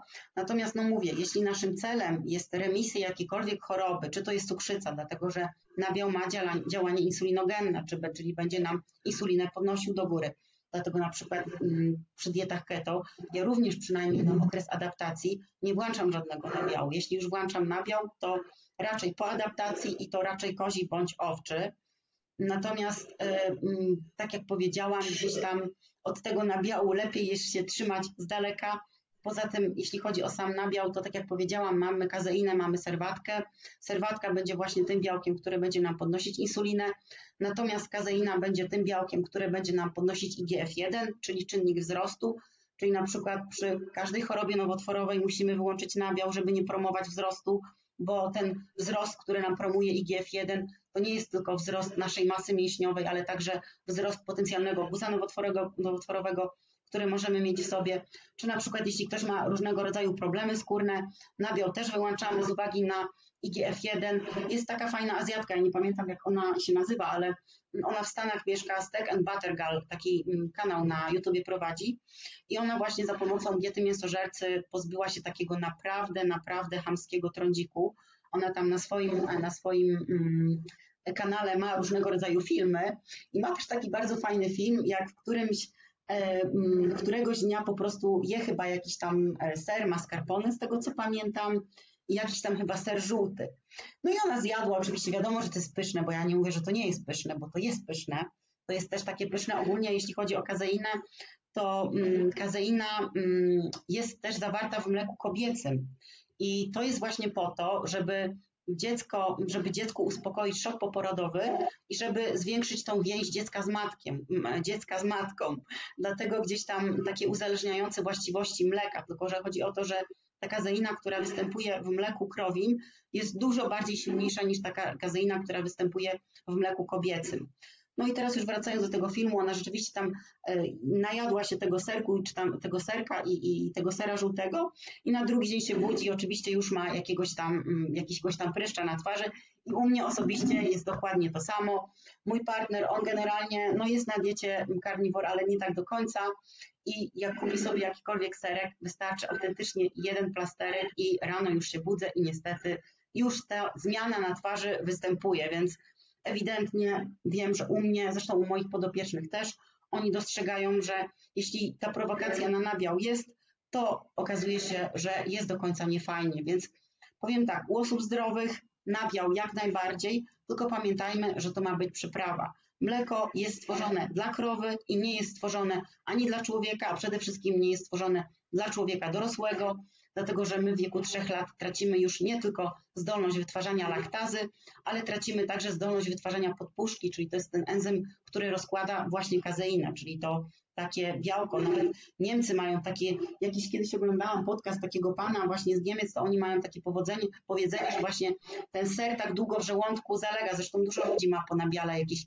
różnego rodzaju zgagi, dlatego że tak naprawdę, tak jak powiedziałam, my tą podpuszczkę już tracimy, no i z tą kazeiną musi się ta nasza pepsyna męczyć, a wiadomo, że z tą kwaśnością, jeśli chodzi o pH żołądka, to też różnie u ludzi bywa, a im mniej kwaśne, im mniej kwaśne pH, tym mniej aktywna będzie nasza pepsyna. Czy to, o czym czy to, co powiedziałaś, tyczy się również białka serwatkowego, które tak chętnie jest spożywane przez osoby trenujące na siłowni? Powiem tak, białko serwatkowe na pewno będzie lepszą opcją na 100%. Natomiast znalazłam też bardzo fajne badanie, które stwierdza, że białko serwatkowe też jest zanieczyszczone kazeiną, ale no załóżmy sobie, że mamy tą samą, samą frakcję białka serwatkowego, więc u osób, które są zdrowe, tak jak powiedziałam, serwatka będzie ok. Natomiast jeśli to jest osoba, która już ma pogorszoną wrażliwość na insulinę, to tak naprawdę ta serwatka będzie dla niej zbędnym gadżetem, ponieważ serwatka podnosi nam poziom insuliny. Więc jeśli nam zależy na hipertrofii, robimy trening pod hipertrofię, chcemy, żeby ta nasza masa mięśniowa urosła, to okej, okay, to jak po treningu wypijemy sobie jakieś białko serwatkowe, to się nic nie stanie. Oczywiście też pod warunkiem, że nie mamy jakiejś alergii na białka mleczne, bo coś takiego też będzie dyskwalifikować nam spożycie nabiału. Więc na pewno białko serwatkowe będzie mniejszym złem niż kazeina. To, to nie ulega żadnej wątpliwości. Bo istnieje również białko wołowe, tak. takie właśnie w proszku. Tak. Czy to jest najlepsza opcja, jeżeli chodzi o takie dodatkowe źródło białka? Tak, z mojej strony tak, tylko teraz też pytanie, bo wiadomo, że tam są różnego rodzaju dosmaczacze, dosładzacze, żeby po prostu, e, ciężko chyba, ja nigdy nie spożywałam, więc nie wiem, ciężko byłoby chyba spożyć białko wołowe o smaku naturalnym, nie wiem, nie jadłam jeszcze nigdy, Natomiast na pewno, jeśli chodzi o białko serwatkowe, to kiedyś, kiedyś, kiedyś, kiedyś, bardzo dawno temu, pamiętam wtedy to były czasy, kiedy jeszcze piłam kawę z mlekiem. I żeby się odzwyczaić od mleka do kawy, to właśnie sobie to białko serwatkowe rozpuszczałam w wodzie i dolewałam do kawy, żeby zastąpić mleko. Natomiast osobiście nigdy nie stosowałam żadnego białka, jeśli chodzi o hipertrofię Nigdy tego nie robiłam. Zawsze mm, swoje, mm, swoją masę mięśniową, wzrost swojej masy mięśniowej opierałam o właśnie żywność pochodzenia naturalnego, a nie o jakieś przetworzone suplementy. No właśnie, bo jeszcze w przypadku diety carnivore dostarczacie tego białka naprawdę sporo. Czyli liczyłaś, tak. ile ty masz gramów białka na kilogram masy ciała? No ja ci powiem, e, no załóżmy, że zjadam ten kilogram, kilogram mięsa dziennie, czyli powiedzmy sobie to jest 200 gramów białka, bo średnio powiedzmy, no tam niecałe 20, ale załóżmy, że mniej więcej 20 gramów białka jest w 100 gramach mięsa. No moja waga aktualnie na dzień dzisiejszy to jest 60 kilo, więc to jest 200, 200 gramów podzielić na 60, tak to mniej więcej wyjdzie. Natomiast jeśli chodzi tutaj o białko, to też tutaj jeszcze mogę, mm, mogę parę zdań dodać a propos białka bo jeśli chodzi o białko, to krąży bardzo wiele różnego rodzaju mitów z jedzeniem białka. Między innymi mówi się, że białko powoduje, a może nawet nie białko, a produkty odzwierzęce powodują zakwaszenie organizmu. Więc a propos zakwaszenia organizmu, to chciałabym dodać taką kwestię, że nasz organizm ma tak silny buf, bufor, jeśli chodzi o pH krwi, w postaci naszego układu oddechowego czy w postaci naszych nerek, że on sobie sam to pH reguluje. I nie ma możliwości, żeby Twoje pH krwi stało się bardziej kwaśne czy bardziej zasadowe.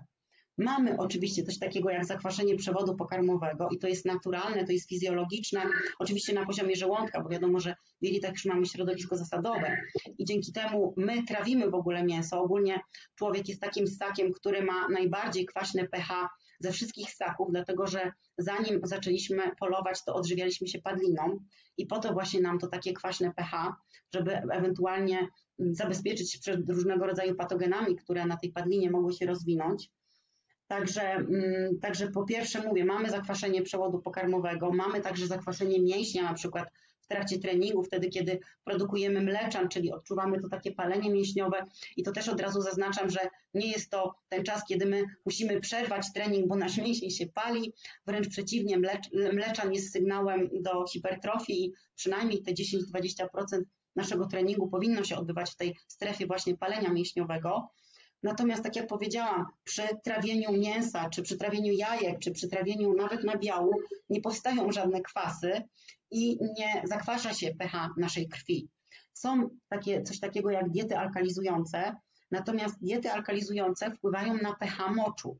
I jeśli chodzi o pH moczu, to pH moczu było najbardziej alkaliczne u naszych łowców zbieraczy, dlatego że to wtedy, kiedy jeszcze byliśmy na etapie łowców zbieraczy, odżywialiśmy się żywnością najbardziej gęstą odżywczą, mieliśmy bardzo dużo soli mineralnych i tak naprawdę ten mocz nie miał prawa iść właśnie w kierunku kwaśnego.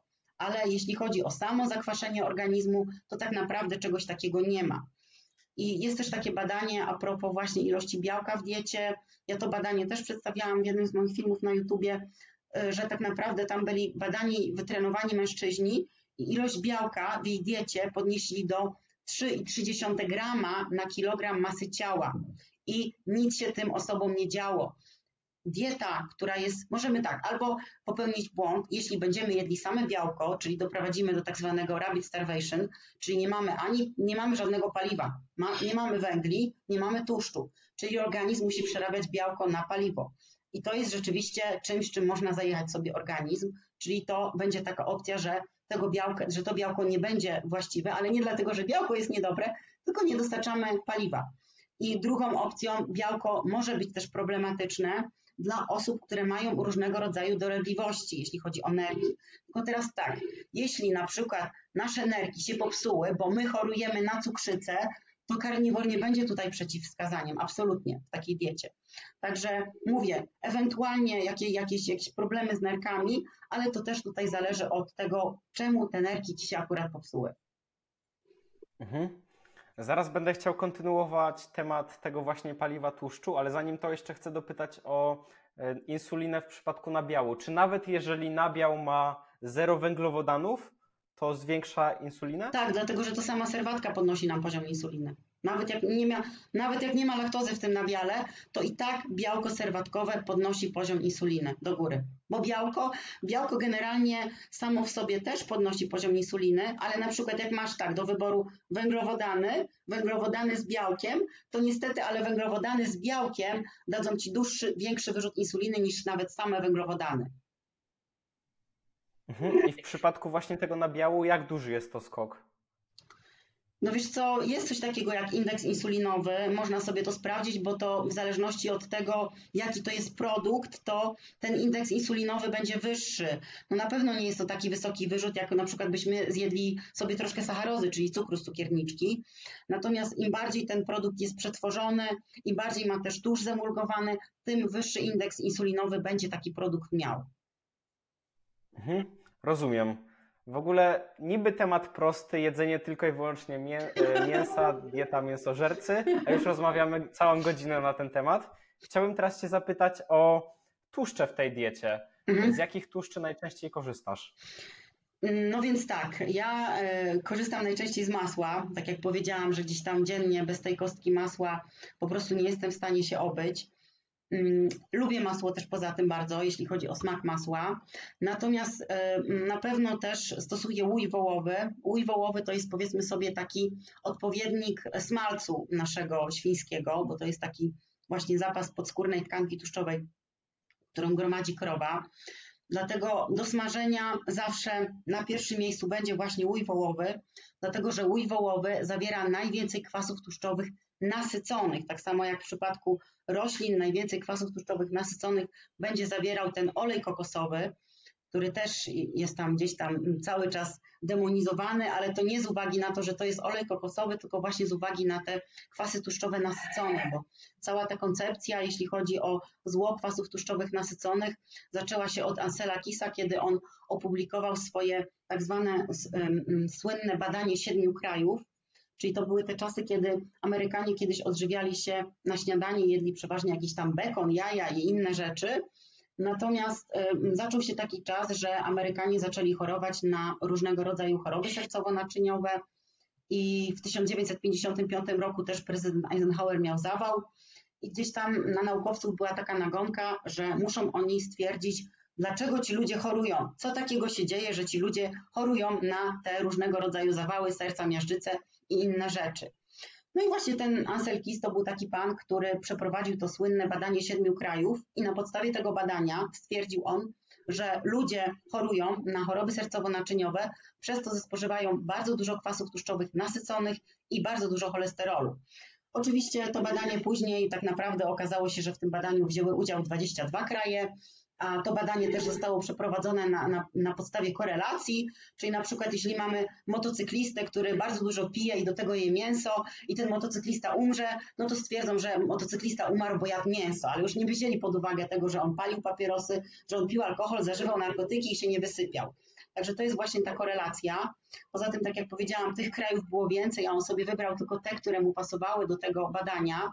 Z drugiej strony jeszcze weszła narracja Kościoła Adwentystów Dnia Siódmego, czyli tego Johna Kelloga, gdzie gdzieś tam ten Kościół Adwentystów Dnia Siódmego namawiał ludzi do tego, aby zrezygnowali z mięsa, ponieważ uważali, że mięso powoduje przemoc, że przez mięso ludzie się masturbują i generalnie jeśli przestaniesz jeść mięso, to będziesz zbawiony. Więc mm, tutaj mamy tak jakby z dwóch stron te, mm, te tutaj klimaty, które dochodziły do Amerykanów. I jeszcze tutaj dochodzi sprawa Crisco, czyli gdzieś tam Ameryka kiedyś, jak gdzieś tam na tych filmach jeszcze starych można obejrzeć, Amerykanie produkowali, produkowali bardzo duże ilości bawełny i mieli olej bawełniany i nie za bardzo wiedzieli, co z tym olejem ro robić. Gdzieś tam na początku jakieś świece z nich robili, natomiast później wykupili od, mm, od, od niemieckiego naukowca Wilhelma Normana w 1903 roku on opracował taką reakcję uwodornienia i wykupili od niego patent na tą reakcję. No i zaczęli z tego oleju bawełnianego właśnie produkować tak zwane Crisco, czyli taką współczesną margarynę kasię, taką twardą. I rzeczywiście, jeśli chodzi o tamte czasy, to Procter Gamble, bo to była ta firma, która zaczęła produkować Crisco Procter Gamble wypuścił mm, książki kucharskie, które były darmowe, co w dawnych czasach było nie do pomyślenia, że można dostać za darmo książkę kucharską. Oczywiście w każdym przepisie był tam użyty Crisco. No i Amerykanie rzeczywiście dali się nabrać na, co, na tą całą propagandę i tak jak ta, ta, ta cała, ten cały smród zakwasami tłuszczowymi nasyconymi cały czas się ciągnie, ciągnie jeszcze od tamtych czasów chociaż na dzień dzisiejszy już wiadomo, już jest bardzo wiele badań, które obalają te wszystkie mity, że kwasy tłuszczowe są odpowiedzialne za powstawanie miażdżycy czy za różnego rodzaju choroby, choroby sercowo-naczyniowe, bo tak naprawdę wiemy, że to są wszystkie jednostki insulinozależne i bardziej one będą skorelowane z dużą ilością węglowodanów w diecie, a absolutnie nie z tłuszczami. No chyba, że oczywiście, tak jak powiedziałam wcześniej, my połączymy te dwie rzeczy, bo jeśli na przykład ja mam jakąś osobę, która lubi boczek, to i, i, ja jej mówię, że ty jedz ten boczek, bo ty nie będziesz chory od boczku nigdy, tylko ty będziesz chory od tej bułeczki, co sobie do tego boczku dojadasz. Bo jedzenie samego boczku absolutnie nie doprowadzi cię do miażdżycy. Natomiast jeśli do tego boczku już dodasz bułeczkę, no to już wtedy możemy o tej miażdżycy jak najbardziej myśleć. Więc tak naprawdę, jeśli chodzi o kwasy tłuszczowe nasycone, to chciałam tylko zdementować to, że one absolutnie nie są dla nas szkodliwe absolutnie one są dla nas, nie są prozapalne, bo ludzie też myślą trójglicerydy egzogenne, czyli te, które my spożywamy z dietą, myślą, mylą z trójglicerydami endogennymi, czyli te, które wątroba syntetyzuje z nadmiaru kalorii. Także kwasy tłuszczowe nasycone są najlepsze do obróbki termicznej, bo kwasy tłuszczowe nienasycone będą nam właśnie to wiązanie podwójne będzie nam pękać, będzie się utleniać, będą przechodziły właśnie z konfiguracji cis do konfiguracji trans. No i właśnie to CRISCO, i, mm, w którym było bardzo dużo kwasów tłuszczowych trans w tamtych czasach. Poza tym jeszcze mm, to były czasy, kiedy lekarze zalecali palenie papierosów, bo uważano, że palenie papierosów jest takie zdrowe. Także te wszystkie czynniki wpłynęły na to, że Amerykanie zaczęli chorować, a tak naprawdę wcale nie były za to winne ani kwasy tłuszczowe nasycone, ani cholesterol. Więc na karniworze już wracam do tego pytania. Przede wszystkim właśnie tłuszcze zwierzęce, łój wołowy, masło. Jeśli ktoś na przykład mm, do smażenia chce użyć masła, to proponuję użyć masła klarowanego, dlatego że to jest masło klarowane, to jest takie zwykłe masło, które jest pozbawione jakichś tam resztek laktozy czy resztek białka mlecznego i dzięki temu ono po prostu się nie pali. Zresztą takie masło można sobie też samemu wyklarować w domu.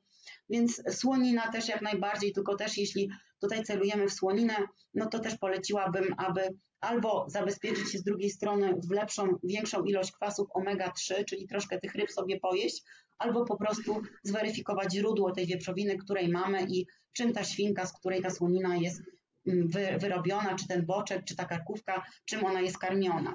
Także no przede wszystkim tłuszcze zwierzęce. No, no jak to jest karniwor, to innych tłuszczy tutaj nie wymyślimy. Absolutnie nie spożywamy tłuszczy roślinnych, dlatego że, tak jak powiedziałam, niestety to tłuszcze roślinne są głównie odpowiedzialne za choroby chroniczne, które występują w XXI wieku. Niedawno znalazłem w sklepie smalec gęsi. Mhm, tak, Dobry też. wybór? Też, jak najbardziej smalec gęsi, no tylko też wiadomo, że mm, jeśli te gęsi są hodowlane, no to ten profil kwasów tłuszczowych też już nie będzie taki jak w mięsie dzikim. No, niestety żyjemy w takich czasach, że chyba już nie można jeść zdrowo, bo nawet jak będziemy jedli dziczyznę, to gdzieś tam i tak ten glifosat krąży w środowisku, więc tak naprawdę możemy wybierać tylko mniejsze zło, czyli po prostu weryfikować źródła naszego pokarmu. Jeśli mamy swój ogródek, to możemy sobie, jeśli spożywamy węglowodany, rośliny, to możemy sobie tam te roślinki jakieś posadzić. Jeśli nie, to możemy sobie jakieś swoje kury hodować. Natomiast, e, no mówię, po prostu wybieramy mniejsze zło, ale smalec gęsi też jak najbardziej ok, czy do smażenia, czy do spożycia na zimno, tak, jak najbardziej. Niestety to, o czym mówisz właśnie w kontekście tego, że nie da się w pełni zdrowo, jest jak najbardziej prawdą, jest to smutne. Tak. No, ale jest jak jest. Tak. Ten tłuszcz nasycony to jednak jest taki temat, który jest bardzo kontrowersyjny, ponieważ do tej pory mnóstwo dobrych dietetyków mówi tak. o jego szkodliwości, nawet w kontekście diety ketogenicznej niekiedy. Więc to jest naprawdę taki temat, na który bardzo trudno mi samemu coś powiedzieć, coś jakby podsumować. Jedni mówią tak, inni mówią tak, a ja myślę, że w tym wszystkim właśnie chodzi tak jak na koniec powiedziałaś o to łączenie tego mhm. z węglowodanami. Tak, to jest największe zło. Dokładnie, dokładnie. Poza tym ja też zauważyłam, że kilku jakichś tam dietetyków, takich bardziej znanych, powiedzmy sobie nawet na Facebooku czy coś, to wręcz zaczęli teraz promować margarynę. Nie wiem, czy, czy widziałeś takie filmy, że gdzieś tam znowuż głoszą, że margaryna jest droższa od masła. Natomiast no, z margaryną jest rzeczywiście, bo mamy tutaj dwa rodzaje produkcji margaryny. Mamy tą reakcję uwodornienia, przez, przez którą gdzieś tam powodują, powstają właśnie te margaryny tak zwane twarde i to, to jest reakcja częściowego uwodornienia i rzeczywiście część z tych kwasów tłuszczowych będzie przechodzić w konfigurację trans, i mamy jeszcze tą reakcję estryfikacji, czyli przez tą reakcję estryfikacji powstają te tak zwane margaryny miękkie. No i te margaryny miękkie, powiedzmy sobie, no będą na pewno bardziej bezpieczne od tych ma margaryn twardych, ale no nie ma co ukrywać, nigdy coś, co jest naturalne, coś nie będzie gorsze od coś, co jest wytworzone chemicznie przez człowieka. Także zawsze margaryna będzie gorszą opcją od masła. I ja w ogóle się zastanawiałam jakiś czas temu, że kto jeszcze w ogóle je margarynę? I w ogóle jeszcze takie mity, które są cały czas powielane, że margaryna zabezpiecza nas przed przed, roz, przed chorobami sercowo-naczyniowymi, kiedy my już na dzień dzisiejszy wiemy, że, bo tutaj chodzi cały czas, kręcimy się wokół tego nieszczęsnego cholesterolu, kiedy my na dzień dzisiejszy wiemy, że normy, które są na cholesterol, one są po pierwsze rokrocznie zaniżane tylko po to, żeby sprzedawać statyny. Jakiś czas temu krążyła taka tabelka po internecie, to były normy na cholesterol z roku 72 tam w tym ostatnim przedziale wiekowym, ja nie pamiętam, tam było 55 w plusie zdaje się, to ten cholesterol był, norma była do 320 kiedyś. Także te normy tak się, tak się, tak się zniżają nagle dziwnie. Natomiast my na dzień dzisiejszy wiemy, że jeśli ktoś ma niski poziom cholesterolu, to będzie miał problemy z pamięcią.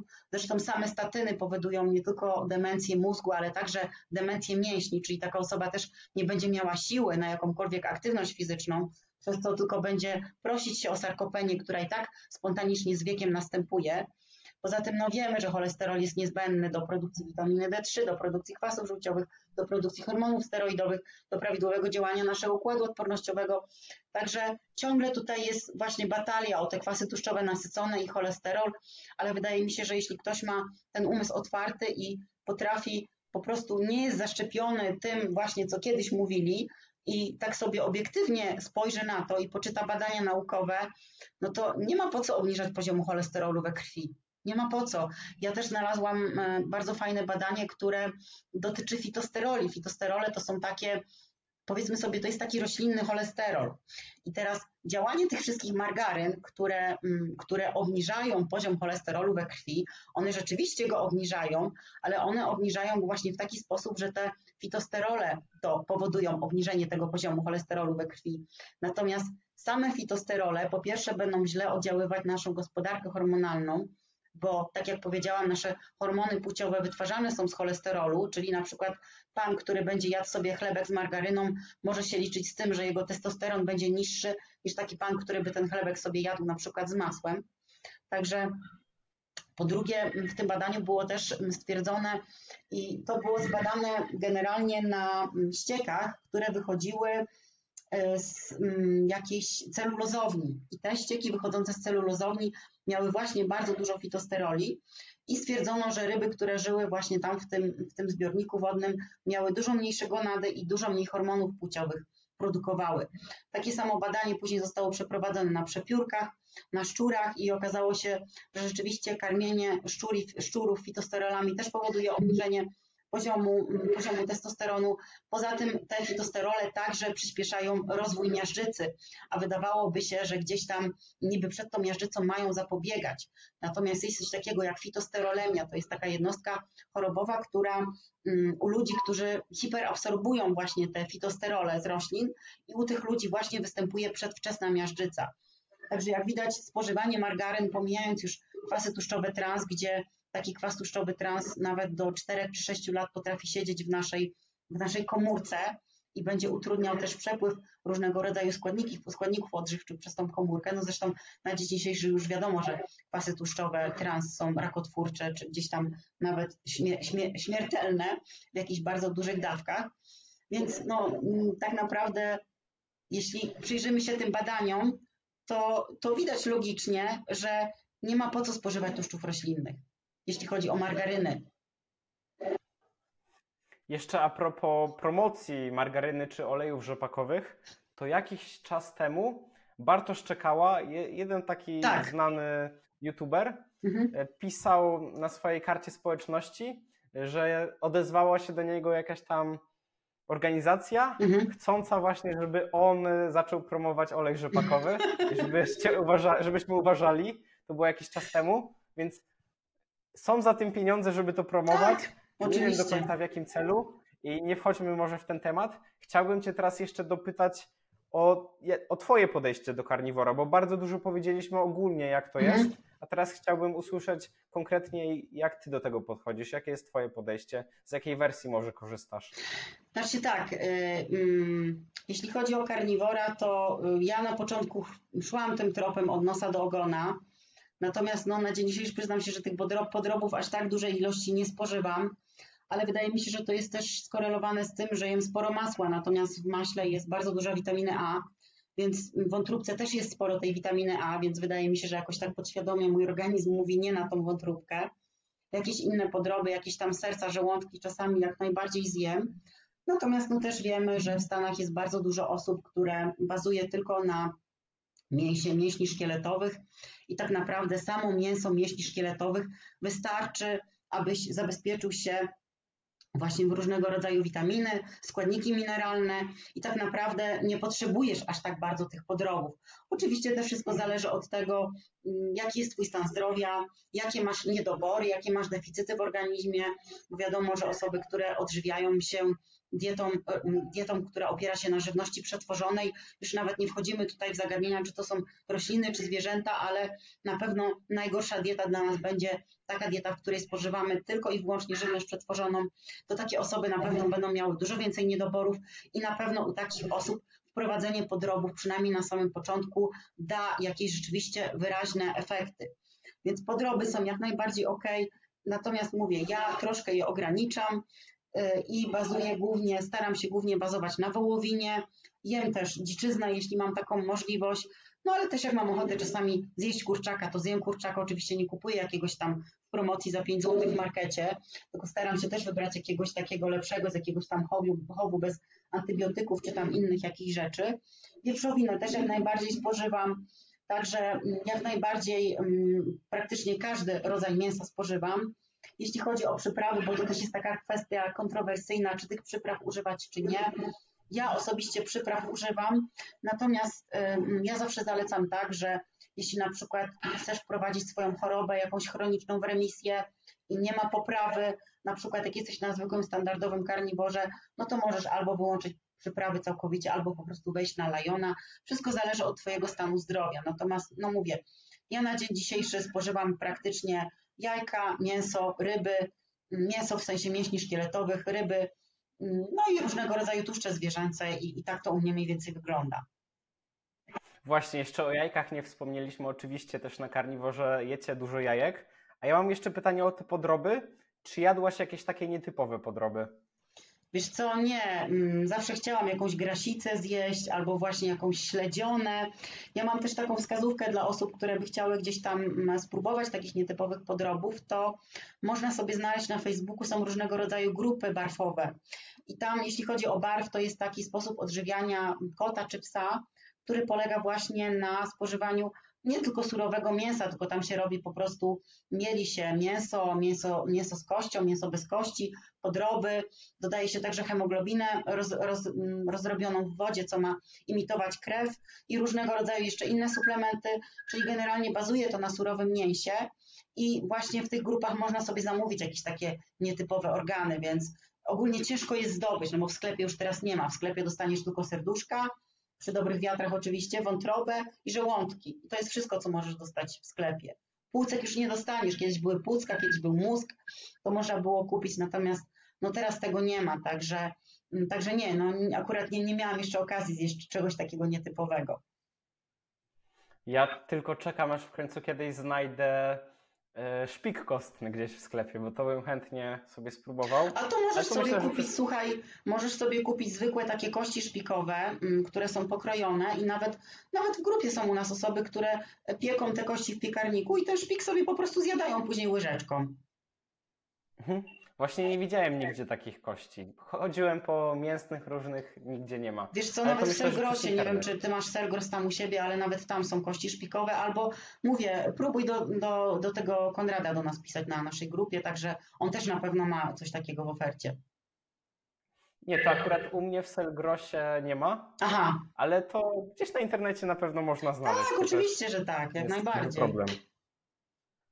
I chciałem Cię teraz jeszcze dopytać, o kwestie badań. Czy badasz e, swoje mi mikroelementy w Twoim ciele i tak dalej? Czy to wszystko badasz, jak tam Twoje organy funkcjonują? Ponieważ to może być obiekcja dla wielu ludzi. Wiesz co, tak, robię badania, tylko teraz tak, jeśli chodzi o badanie różnego rodzaju mikroelementów, na przykład, nie wiem, idziemy do laboratorium, badamy sobie sód, badamy sobie tutaj potas, to tak naprawdę to, co my dostajemy, to jest wynik badania w surowicy, to nie jest wynik w czerwonej krwince.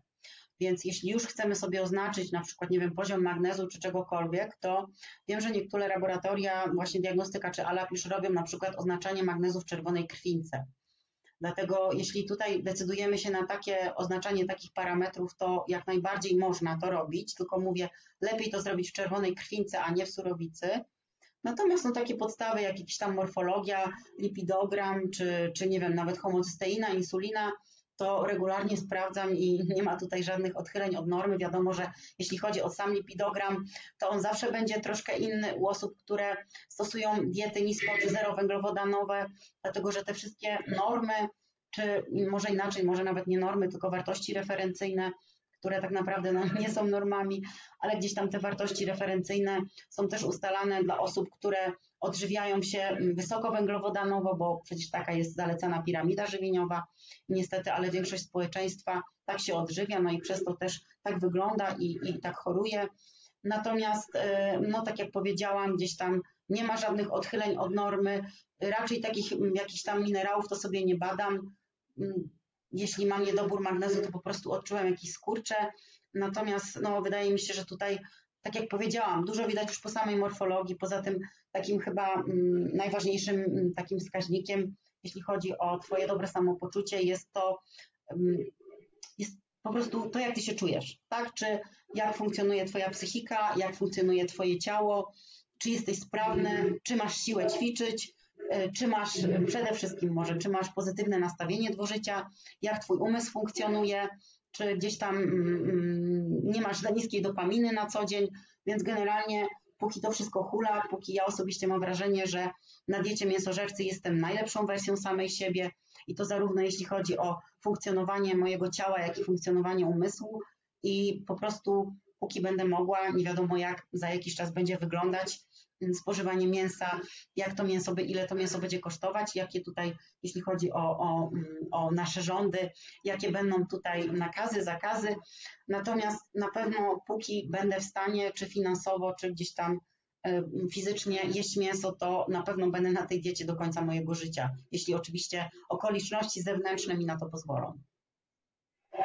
Kolejny atak, który często jest skierowany w stronę ludzi stosujących karniwor, jest to, że to nie jest dieta długoterminowa i że jeżeli ktoś będzie na niej dłużej, to już nie będzie to takie fajne. Czy ty znasz jakieś osoby, które były, są, były, są na tej diecie już dużo dłużej niż ty? Słuchaj, e, w Polsce, tak jak ci powiedziałam, mało jest takich osób. Natomiast no, mamy w Stanach, e, jest Antony Chaffee, jest Sean Baker. Antony to on już chyba, to jest ten taki mm, doktor, on jest doktorem też i on na studiach, pamiętam, opowiadał taką historię, że miał wykład i profesor tam powiedział, że, że rośliny chcą cię zabić. Dlatego nie wolno jeść roślin, bo rośliny chcą, chcą cię zabić. No i właśnie to się wzięło z tej teorii a propos tych naturalnych pestycydów, które rośliny wytwarzają. Także on od tego czasu rzeczywiście wszedł na karniwora, miał tam jakąś przerwę, natomiast generalnie praktycznie chyba z 20 lat już jest na tej diecie mięsożercy. Jest w Stanach, jest jeszcze taka pani, nie pamiętam teraz jak ona się nazywa, ona też jest jakąś piosenkarką, ona też chyba tam z, dwa, z nie wiem, kilkanaście lat Także ja absolutnie nie zgadzam się z tym powiedzeniem, że karniwor jest na jakiś krótki, określony okres czasu, bo ja ze swojej strony, ani nawet ze strony badań, bo generalnie na takich badań, na takich stricte mięsożercach tak naprawdę jest bardzo mało. Są tak naprawdę dwa badania Jedno badanie jest w kierunku SIBO, natomiast drugie badanie, to drugie badanie jest fajne, bo to jest badanie z 2021 roku i tam w tym badaniu wzięło udział 2029 osób, które identyfikowały się jako osoby będące na diecie mięsożercy. I tak naprawdę tam jest mnóstwo parametrów i pomiędzy 80 a 90% te, te wszystkie parametry się osobom poprawiły. Mam na myśli takie różnego rodzaju właśnie parametry jak wrażliwość na insulinę, jak jakieś cukrzycy, choroby autoimmunologiczne, wzrok, słuch, generalnie mm, jeśli chodzi o nawet funkcjonowanie mózgu, pamięć, czy poziom energii, czy mm, wytrzymałość na treningach. Także pomiędzy 80 a 90% to u tych osób się poprawiło, więc ja nie widzę tutaj żadnych przeciwwskazań, chyba że ktoś ma na przykład nietolerancję na wołowinę, do stosowania karniwora w jakiejś dłuższej perspektywie, bo nawet jeśli chodzi tutaj o samą sezonowość, bo tutaj ktoś by mógł mi zarzucić, że jak no ja promuję dietę sezonową i regionalną, no to w sezonie powinna mieć sezonowe warzywa i owoce, Także wydaje mi się, że sezonowość karniwora też będzie polegać na tym, że sezonowo wychodzimy ze stanu ketozy, czyli na przykład zimą układamy sobie takiego karniwora, kiedy rzeczywiście w ten stan ketozy się wprowadzamy, natomiast no latem spokojnie możemy podnieść sobie to, bia- to białko, czy dodać jakieś tam parę owoców, żeby dać sygnał dla naszego ciała, że aktualnie jest lato. Mhm. A jeżeli chodzi o ludzi na, na diecie carnivore w Polsce, Mhm. ile najdłużej jakaś twoja, jakiś twój znajomy czy osoba z grupy była na tej diecie? Wiesz co, Jest. nie odpowiem Ci takie, na takie pytanie, bo ja nawet nigdy, szczerze mówiąc, o to nie pytałam.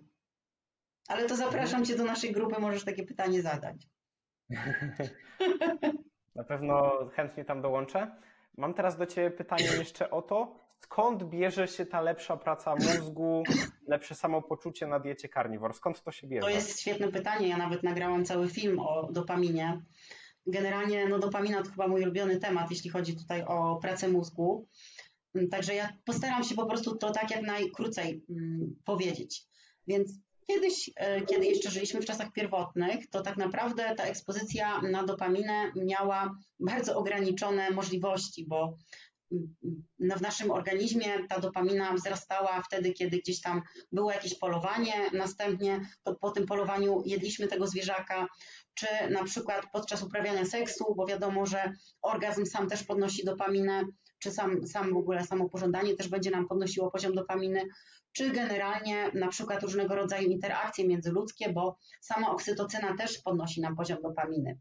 Także mm, ta ekspozycja na dopaminę była bardziej skąpa, bo jeśli chodzi o samą dopaminę, to mamy taki poziom sobie, poziom bazowy, czy, czy poziom właśnie taki, który występuje w naszym organizmie przez cały czas, czyli mamy jakąś tą naszą dopaminę na jakimś poziomie.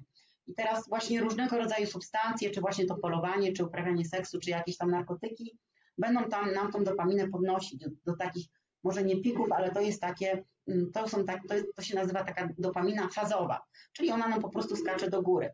No i teraz im wyższy pik, tym później ten spadek będzie niższy i problem właśnie z dopaminą polega na tym, że ona zawsze nie spada do, ona ci nie spadnie do tego poziomu twojego bazowego, tylko ona spada zawsze poniżej. I to jest taki celowy mechanizm, który powstał ewolucyjnie, bo dopamina jest takim neuromodulatorem, który umożliwia nam przetrwanie, bo będzie nam prowokować do tego, żebyśmy my chcieli więcej jeść, żebyśmy my chcieli uprawiać więcej seksu, czyli żebyśmy chcieli się rozmnażać. No i kiedyś to wszystko było bardziej proste. Natomiast w dzisiejszych czasach mm, tak naprawdę wyrzut dopaminy największy chyba daje właśnie ten nasz telefon, czyli e, czy przeglądanie Facebooka, czy rozmowy na Messengerze, czy słuchanie muzyki, czy nawet jeśli chodzi nie o telefon, czy oglądamy telewizję, czy korzystamy z komputera, czyli technologia na dzień dzisiejszy tak naprawdę przejęła tutaj władzę nad naszą dopaminą trochę. I przez co mm, mamy też mm, do czynienia z taką trochę dopaminoopornością, czyli orga, nasze, nasze organizmy są zalewane falą dopaminy. I teraz tak, jeśli chodzi o dietę mięsożercy, to mm, na tej diecie spożywamy właśnie mięso, spożywamy tłuszcze roślinne, natomiast białko zwierzęce będzie dla nas takim głównym źródłem tutaj tyrozyny. I rzeczywiście są badania, m, które potwierdzają, że osoby, które jedzą mięso, w porównaniu do osób, które są wegetarianami, mają dużo lepszą pamięć. I mm, Czyli tak, mamy tą tyrozynę, aminokwas tyrozynę, która występuje w mięsie i tyrozyna jest prekursorem dopaminy. Dalej z dopaminy powstaje noradrenalina i dalej powstaje adrenalina. I te wszystkie trzy nasze mm, neuroprzekaźniki, neuromodulatory określamy miarem katecholami. I teraz tak, jeśli ty jesteś na tej diecie mięsożercy, to właśnie przez to, że gdzieś tam też nie, nie spożywasz tych węglowodanów, czyli dostarczasz mniej tryptofanu, czyli mniej serotoniny produkujesz, Serotonina to jest taki mm, neuroprzekaźnik, który mówi o tym, że jest ci dobrze, jest ci dobrze tu i teraz i się nigdzie nie ruszam i czuję się błogo. Natomiast z drugiej strony mamy tą naszą dopaminę, która dopamina no nie tylko jest mm, takim neuromodulatorem, który daje nam odczucie przyjemności. Przede wszystkim to jest coś, co na, nas napędza w życiu. To jest motywacja. Dopamina to też ruch, bo dopamina ma też szlak tak zwany nigrostriatalny, czyli to jest istota czarna w mózgu, bo mm, tak jak powiedziałam na początku, polowanie zawsze było związane z ruchem, czyli ta dopamina też jest związana z ruchem. Dlatego na przykład osoby, które chorują na Parkinsona, mają niszczone te neurony dopaminergiczne i mają różnego rodzaju drgania, właśnie przez to, że tej dopaminy mają za mało w organizmie mózgu. No i teraz mm, przez to, że wracamy już do naszej diety mięsożercy, przez to, że tak naprawdę jesz bardzo dużo mięsa i masz bardzo dużo nie tylko substratu do produkcji dopaminy, czyli tej tyrozyny, ale także masz różnego rodzaju kofaktory, bo żeby dane reakcje zachodziły, to muszą służyć, muszą do tego, do tego służą enzymy, a enzymy muszą mieć kofaktory, czyli na przykład jakieś witaminy, albo na przykład jakieś sole mineralne, albo na przykład jakieś związki. Właśnie w mięsie znajdziemy nie tylko bardzo dużo tyrozyny, ale znajdziemy także te wszystkie kofaktory, które są potrzebne do konwersji właśnie tyrozyny do dopaminy, czy dalej do noradrenaliny, czy adrenaliny. I to są na przykład witamina B6 w formie P5P, czyli, czyli fosforan 5 pirydoksalu, czyli chodzi o to, że to są te formy aktywne rzeczywiście, nie tak jak w roślinach, nieaktywne, tylko te formy aktywne. I teraz przez to, że też ty nie dostarczasz tych węglowodanów, czyli bo generalnie jeśli chodzi o sam tryptofan i serotoninę, to do tego, żeby tryptofan został prze, przekształcony w serotoninę, to też potrzebne ci są węglowodany, to mm, nie ma tej konwersji, czyli bardziej tutaj wszystko idzie nam w kierunku dopaminy. Tak? Poza tym też jest taka kwestia, że przez to sam smak słodki e, będzie powodował wyrzut dopaminy w organizmie, to jest, jeśli chodzi o mm, dopaminę i smak słodki, to jest jedna kwestia. Druga kwestia jest taka, że mamy głównie w jelitach, w żołądku też, ale głównie w jelitach tak zwane neuropody. Czyli są to takie komórki nerwowe, które wyczuwają smak słodki, czy to jest, y, one też wyczuwają smak słodki słodzików, nie tylko, nie tylko cukru, ale one po prostu wyczuwają smak słodki i oprócz tego jeszcze powodują wyrzut dopaminy i przez to ty chcesz ten produkt ciągle kupować, kupować i jeść.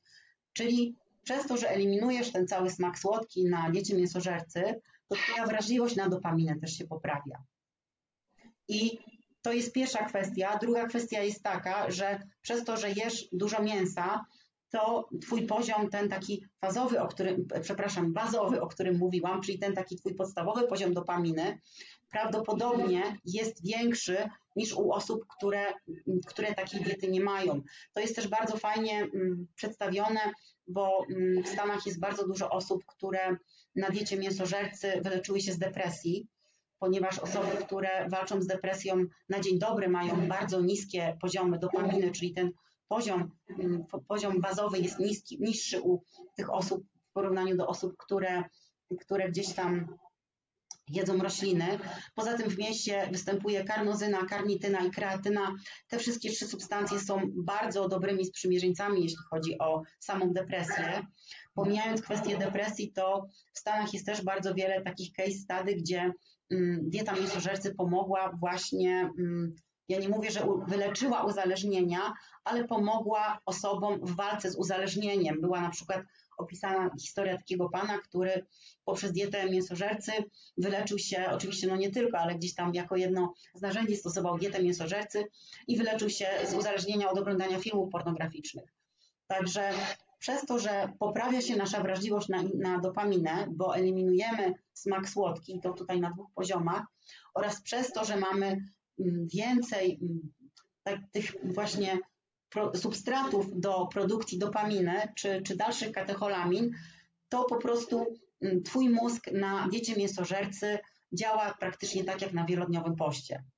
Oczywiście na początku jest to dużo bardziej odczuwalne, bo no na dzień dzisiejszy praktycznie ciężko mi stwierdzić, czy ja to odczuwam, że to tak jest, czy że, że to tak nie jest, ale na pewno z całą pewnością mogę stwierdzić, że moja koncentracja jest lepsza i moja pamięć też na 100% jest lepsza niż w porównaniu do tego, co było na, na tej diecie wcześniejszej. Także, także no, wydaje mi się, że tutaj wszystko kręci się wokół tej dopaminy, czy ogólnie wokół tych wszystkich katecholamin, czyli dalej noradrenaliny i adrenaliny. I też tutaj jedną rzecz chciałam dodać, bo mm, ja też o tym mówiłam w jednym filmie, natomiast dostałam takie pytanie, ktoś stwierdził, że właśnie na diecie mięsożercy, czy nawet na dietach ketogenicznych, przez to, że produkujemy tyle katecholamin, to to to może w jakiś sposób negatywnie wpłynąć na nasz mózg. Tam było dokładnie pytanie, czy te katecholaminy mogą wypalić nasz mózg. Natomiast absolutnie to tak nie działa, dlatego że hydroksylaza tyrozynowa, czyli to jest pierwszy enzym, który przekształca nam tyrozynę w L-dopę, ona podlega ujemnemu sprzężeniu zwrotnemu. Jeśli jest dużo tutaj już produktów wyprodukowanych, to ta hydroksylaza tyrozynowa, ona się hamuje. Poza tym, jeśli chodzi o, mm, mm, o tutaj same, jeśli mielibyśmy rozpatrywać dietę mięsożercy jako jakiś stresor, tak, bo mamy tutaj wydzielaną dopaminę, może nawet no ta dopamina, tak, ale adrenalinę i noradrenalinę. Natomiast ja tutaj skorzystam z koncepcji, którą zaproponował kiedyś Hans Selye i dostał za to Nagrodę Nobla, a mianowicie koncepcji eustresu i dystresu. I dystres to jest powiedzmy sobie taki zły stres, gdzie oprócz katecholamin mamy jeszcze do czynienia z wydzielanym kortyzolem. Natomiast eustres to jest taki dobry stres, gdzie mamy tylko katecholaminy same, czyli tego kortyzolu nie ma. Do eustresu będzie na przykład należała ekspozycja na zimno, która notabene też bardzo fajnie działa, dlatego że ona powoduje obniżenie do tego poziomu bazowego że ta dopamina nie spada ci poniżej, tylko ona spada bardzo powoli i spada właśnie mniej więcej do tego samego poziomu, który ty miałeś wcześniej, więc nie ma tego, te, te, te, takiego zjazdu. Także mm, dieta mięsożercy również można powiedzieć, że należy do eustresu, dlatego że absolutnie to nie jest dieta, przy której będziemy zalewać nasz organizm kortyzolem. Jedynie co to po prostu będziemy funkcjonować na wyższej dopaminie, adrenalinie i noradrenalinie, ale tak jak powiedziałam, to nie ma absolutnie żadnie, żadnego negatywnego wpływu na nasz mózg. Świetnie to wytłumaczyłaś. Na pewno, jeżeli ktoś jest bardziej ciekawy tematu, to odsyłam do Twojego filmu. Tak. Zostawię link w opisie. Rozmawiamy już prawie dwie godziny. Mieliśmy jeszcze poruszyć temat chronobiologii i kawy. Wydaje mi się, że nie zrobimy tego już w tym podcaście, ale na pewno zostawiam Ci zaproszenie otwarte do kolejnej rozmowy za jakiś czas właśnie na te tematy. A teraz chciałbym przejść do segmentu, który zawsze na koniec występuje, ale zanim to, to jeszcze chcecie zapytać, czy może myślisz, że jeszcze o coś warto, że warto jeszcze o czymś wspomnieć w kontekście. Tak, ja myślę, że warto byłoby jeszcze na koniec chociaż dwa zdania dodać o tym błonniku, który jest tak tutaj mm, strasznie mm, wychwalany przez ludzi. Natomiast można zauważyć, ja sama zauważyłam to, zresztą nawet jest takie badanie, mm, bardzo fajne badanie, które dotyczy zaparć i błonnika w diecie. W tym badaniu wzięło udział 63 osoby, które mały, miały tak zwane idiopatyczne zaparcia, czyli idiopatyczne, czyli to lekarze sobie wymyślili bez poznania przyczyny, czyli oni nie wiedzą, czemu te zaparcia są, ale one są. No i teraz w tym, te osoby, które cierpiały na zaparcia, to one cierpiały nie tylko na to, że gdzieś tam jest zaparcie, ale też miały różnego rodzaju bóle przy oddawaniu stolca, czy różnego rodzaju krwawienia z odbytu i tak naprawdę okazało się, że dopiero po całkowitej eliminacji błonnika, całkowitej, te zaparcia, łącznie z różnego rodzaju bólami, krwawieniami i innymi tutaj dolegliwościami, praktycznie się skończyły.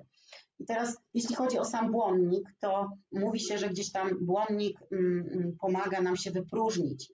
I teraz tak, no, błonnik rzeczywiście jest taką substancją, której my nie trawimy. Więc ona rzeczywiście będzie zwiększała objętość, on będzie zwiększał objętość naszej kupy. Tylko teraz pytanie, czy jeśli my mamy zaparcie, to czy my rzeczywiście chcemy, żeby ta kupa była większa? Bo jeśli na przykład stoją samochody w korku, to dodanie większej ilości samochodów absolutnie nam tego korka nie rozluźni. Wręcz przeciwnie, trzeba byłoby część tych samochodów wyjąć, co by ten korek rozluźniło. Także na pewno, jeśli chodzi o zaparcie, większa ilość błonnika nie spowoduje tego, że tego zaparcia nie będzie. Przy wszystkich chorobach jelit, czy to jest choroba leśniowskiego krona, czy to jest wrzodziejące zapalenie jelita grubego, czy to nawet jest SIBO, czyli przerost flory jelitowej, eliminacja błonnika, dopiero, dopiero eliminacja błonnika sprawi, że możemy osiągnąć jakąkolwiek remisję. Także absolutnie ten błonnik nie jest niezbędny. I drugą kwestią, którą tutaj mm, przedstawiają ci mm, te osoby, które gdzieś tam ten błonnik wychwalają, to jest to, że z błonnika produkujemy krótkołańcuchowe kwasy tłuszczowe, takie jak propionian, octan, maślan i rzeczywiście tak jest. Natomiast warto dodać, że po pierwsze na diecie mięsożercy tkanka łączna, czyli różnego rodzaju fragmenty, kolagen, skóra, jakieś chrząstki. No ja oczywiście nie każę tu nikomu jeść chrząstek, ale na przykład skóra czy jakieś elementy, gdzie tej tkanki łącznej jest więcej, na przykład jeśli chodzi o wołowinę, jakaś łata czy tam pręga, to można sobie takie części mięsa spożywać. Ja osobiście bardzo takie części lubię, dlatego że kolagen na diecie mięsożercy też jest fermentowany do krótkołańcuchowych kwasów tłuszczowych. Było bardzo fajne badanie, które było przeprowadzone na osobach chorujących na reumatoidalne zapalenie stawów i po prostu tym osobom podawano peptydy kolagenowe i okazało się, że one z tych peptydów kolagenowych wytwarzają krótkołańcuchowe kwasy tłuszczowe. Także jeśli chodzi o ten mit błonnika, czy, czy nasze, nawet naszą tą mikroflorę, bo generalnie no, nasza mikroflora głównie zależna jest od naszych rytmów okołodobowych, ale to już może zostawię na, na temat chronobiologii. Natomiast chciałabym tylko zaznaczyć, że absolutnie ten błonnik nie jest nikomu do niczego potrzebny.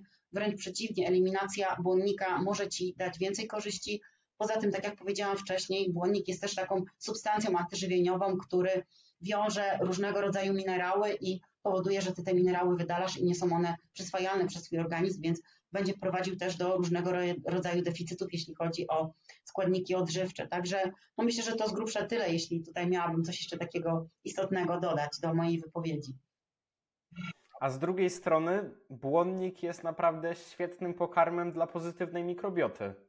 Tak, tylko to właśnie o to chodzi, że mikroflora, właśnie to są te, bo to nie chodzi o błonnik, to chodzi o te krótkołańcuchowe kwasy tłuszczowe. To one są pokarmem i nasza mikroflora wytwarza z tego krótkołańcuchowe kwasy tłuszczowe, które są paliwem następnie dla niej oraz są paliwem dla naszych kolonocytów. Tylko też, jeśli my spożywamy na przykład masło, czy, mm, czy jakieś inne tłuszcze, to tam też jest dużo tych krótkołańcuchowych kwasów tłuszczowych. Poza tym, tak jak powiedziałam, funkcję błonnika tutaj zastępuje nam kolagen. To jest taki troszkę błonnik zwierzęcy, czyli ta tkanka łączna zwierzęca, z której my produkujemy dokładnie to samo, czyli te krótkołańcuchowe kwasy tłuszczowe, którymi odżywia się nasza mikroflora. Hmm. Temat jest na pewno skomplikowany. Nie mam na pewno kompetencji, żeby dyskutować tu, więc e, zakończmy tutaj ten temat i przejdźmy teraz do tego segmentu, który zawsze na koniec występuje. Jest to segment Każda porażka jest lekcją. Cały segment polega na tym, że pytam gościa o największą porażkę ostatniego roku, a następnie o to, czego się z niej nauczył. I celem tego segmentu jest propagowanie porażki jako coś dobrego, coś rozwojowego. Także teraz zapytam Ciebie, jaka jest Twoja największa porażka ostatniego roku? Tego roku. Tego, jeżeli nic Ci nie przychodzi do głowy, to możesz sięgnąć trochę dalej pamięcią. Dobra, to może rzeczywiście tego roku, może trochę tamtego, więc może to dziwnie zabrzmi, ale moją największą porażką jest mój kanał na YouTubie, dlatego że, mm, znaczy może nie same treści, tylko po prostu pamiętam, że jak go zakładałam, to miałam takie ambicje, że przynajmniej raz w tygodniu albo chociaż raz na półtorej tygodnia będę jakiś film wrzucać. Natomiast, no, po pierwsze, mm, jak zaczęłam to robić, to okazało się, że to wcale nie jest takie proste i ładne, jak to się z zewnątrz wygląda bo po pierwsze trzeba film przygotować, znaleźć badania i później to jakoś ładnie ubrać słowa. Po drugie trzeba to zmontować. Po trzecie trzeba jeszcze teraz zrobić spis treści, okładkę, podać źródła. Także no niestety nie jest to takie kolorowe, jak mi się wydawało. Więc wydaje mi się, że e, tak naprawdę mm, no, moją taką porażką największą jest to i najgorsze jest to, że teraz tak, przez ten kanał na YouTubie też mi się troszkę nakręca liczba tutaj podopiecznych, i znowuż nie mogę dawać z siebie tyle, ile bym chciała na tym kanale. No i niestety muszę patrzeć na to, muszę to akceptować, ale też w jakiś sposób no, mm, no, uczę się właśnie mm, takiego odpuszczania w ten sposób, że no niestety nie wszystko da się zrobić. Na pewno no, na pierwszym miejscu są dla mnie podopieczni, bo to są ludzie, którym, którym bezpośrednio pomagam. Też czasami nauczyłam się tego, że czasami po prostu muszę mieć trochę czasu wolnego i jeśli chodzi o weekend, to staram się w ogóle w te weekendy nie pracować, tylko właśnie przeznaczyć to na, na czas, na odpoczynek, czy, czy to z moim partnerem, czy gdzieś tam, czy wyjeżdżamy, czy po prostu przebywamy na łonie natury, bo też taką bardzo fajną kwestią jest na diecie mięsożercy, to tak może też na koniec dodam, jakiś pan mi to napisał w komentarzu na Instagramie, że od czasu jak jest na diecie mięsożercy, to ma ochotę bardziej przebywać z naturą i ja zawsze byłam taką osobą, która ma ochotę tak naprawdę z tej natury nie wychodzić w ogóle, Natomiast rzeczywiście, jak tak, sobie przeanalizowałam, to tak naprawdę od czasu, kiedy weszłam na karniwora, to czuję jeszcze większą więź z tą naturą. Może to dla takiego wegana zabrzmi dziwnie, bo jak to, ja zjadam zwierzęta i czuję więź z naturą, natomiast rzeczywiście to tak wygląda. No wiadomo, że, że my jesteśmy mięsożercami, także to mięso po prostu powinniśmy jeść. Mm, natomiast rzeczywiście ta nić z tą przyrodą jest większa i tak jak mówię, no, muszę po prostu te bateryjki podładować, muszę się zregenerować. czy psychicznie, czy fizycznie, żeby gdzieś tam to wszystko pchać dalej. No i tak jak, tak jak powiedziałam, ten kanał też, też mnie uczy pokory i akceptacji i odpuszczania i no mam nadzieję, że za jakiś czas jeszcze uda mi się troszkę tymi filmami nadrobić, żeby gdzieś tam to wyglądało chociaż troszkę lepiej niż wygląda na dzień dzisiejszy. Tak, oczywiście na Twój kanał zapraszamy. Link zostawię w opisie. Powiedz mi jeszcze, w jakich innych miejscach mogą Cię znaleźć słuchacze? Jestem jeszcze na Instagramie, tak jako Tusta Agata, na Facebooku Agata Jurkowska Dietetyk, no i e, nasza grupa Mięsożercy Carnivore Polska, także tam wszystkich zapraszam. Mamy już prawie 4000 osób, więc wydaje mi się, że, że już nawet spora, spora liczba jak na, jak na Polskę, także, także to są takie główne miejsca, gdzie, gdzie w mediach społecznościowych, w internetach się pojawiam. 4000 osób. Nawet się nie spodziewałem, że jest tyle ludzi, którzy są na tej diecie w całej Polsce, więc to jest No powiem zaskakujące. Ci, że, że to właśnie teraz tak, wiesz co, ja jak widzę po ilości ludzi, które, którzy dołączają, także teraz jest tak to, że to się rzeczywiście rozkręca, bo nie wiem, ja tą grupę chyba rok temu załą- za, za, założyłam, to było tak, że powiedzmy sobie, nie wiem, pięć osób tygodniowo chciało dokończyć, a teraz mam takie dni, że rano wstaję, patrzę, a tam 30 próśb o dołączenie już, nie, na Facebooku w ciągu jednego wieczora. Także rzeczywiście ja się cieszę osobiście, bardzo się cieszę z tego powodu, bo ludzie powoli otwierają oczy, powoli zaczynają widzieć, że mięso nie jest takie złe, jak to się nam przedstawia. Zwłaszcza tak jak powiedziałam, że tutaj walczymy troszkę z tą wegańską propagandą. Ja oczywiście absolutnie do, do nikomu do talerza nie zaglądam.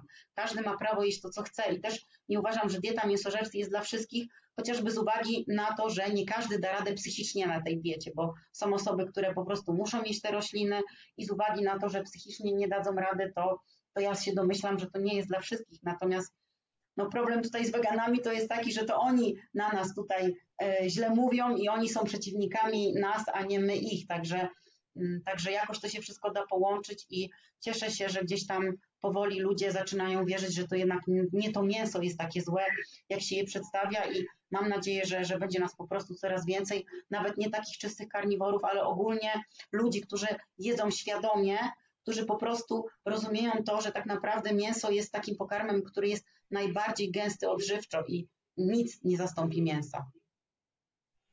Świetne zakończenie. Ja chciałbym Ci już podziękować za rozmowę. Naprawdę Ja mogę łatwo gadać, szybko ja udało mogę nam się. gadać, Przemek. Żartuję. Naprawdę szybko udało nam się skontaktować i ustalić termin.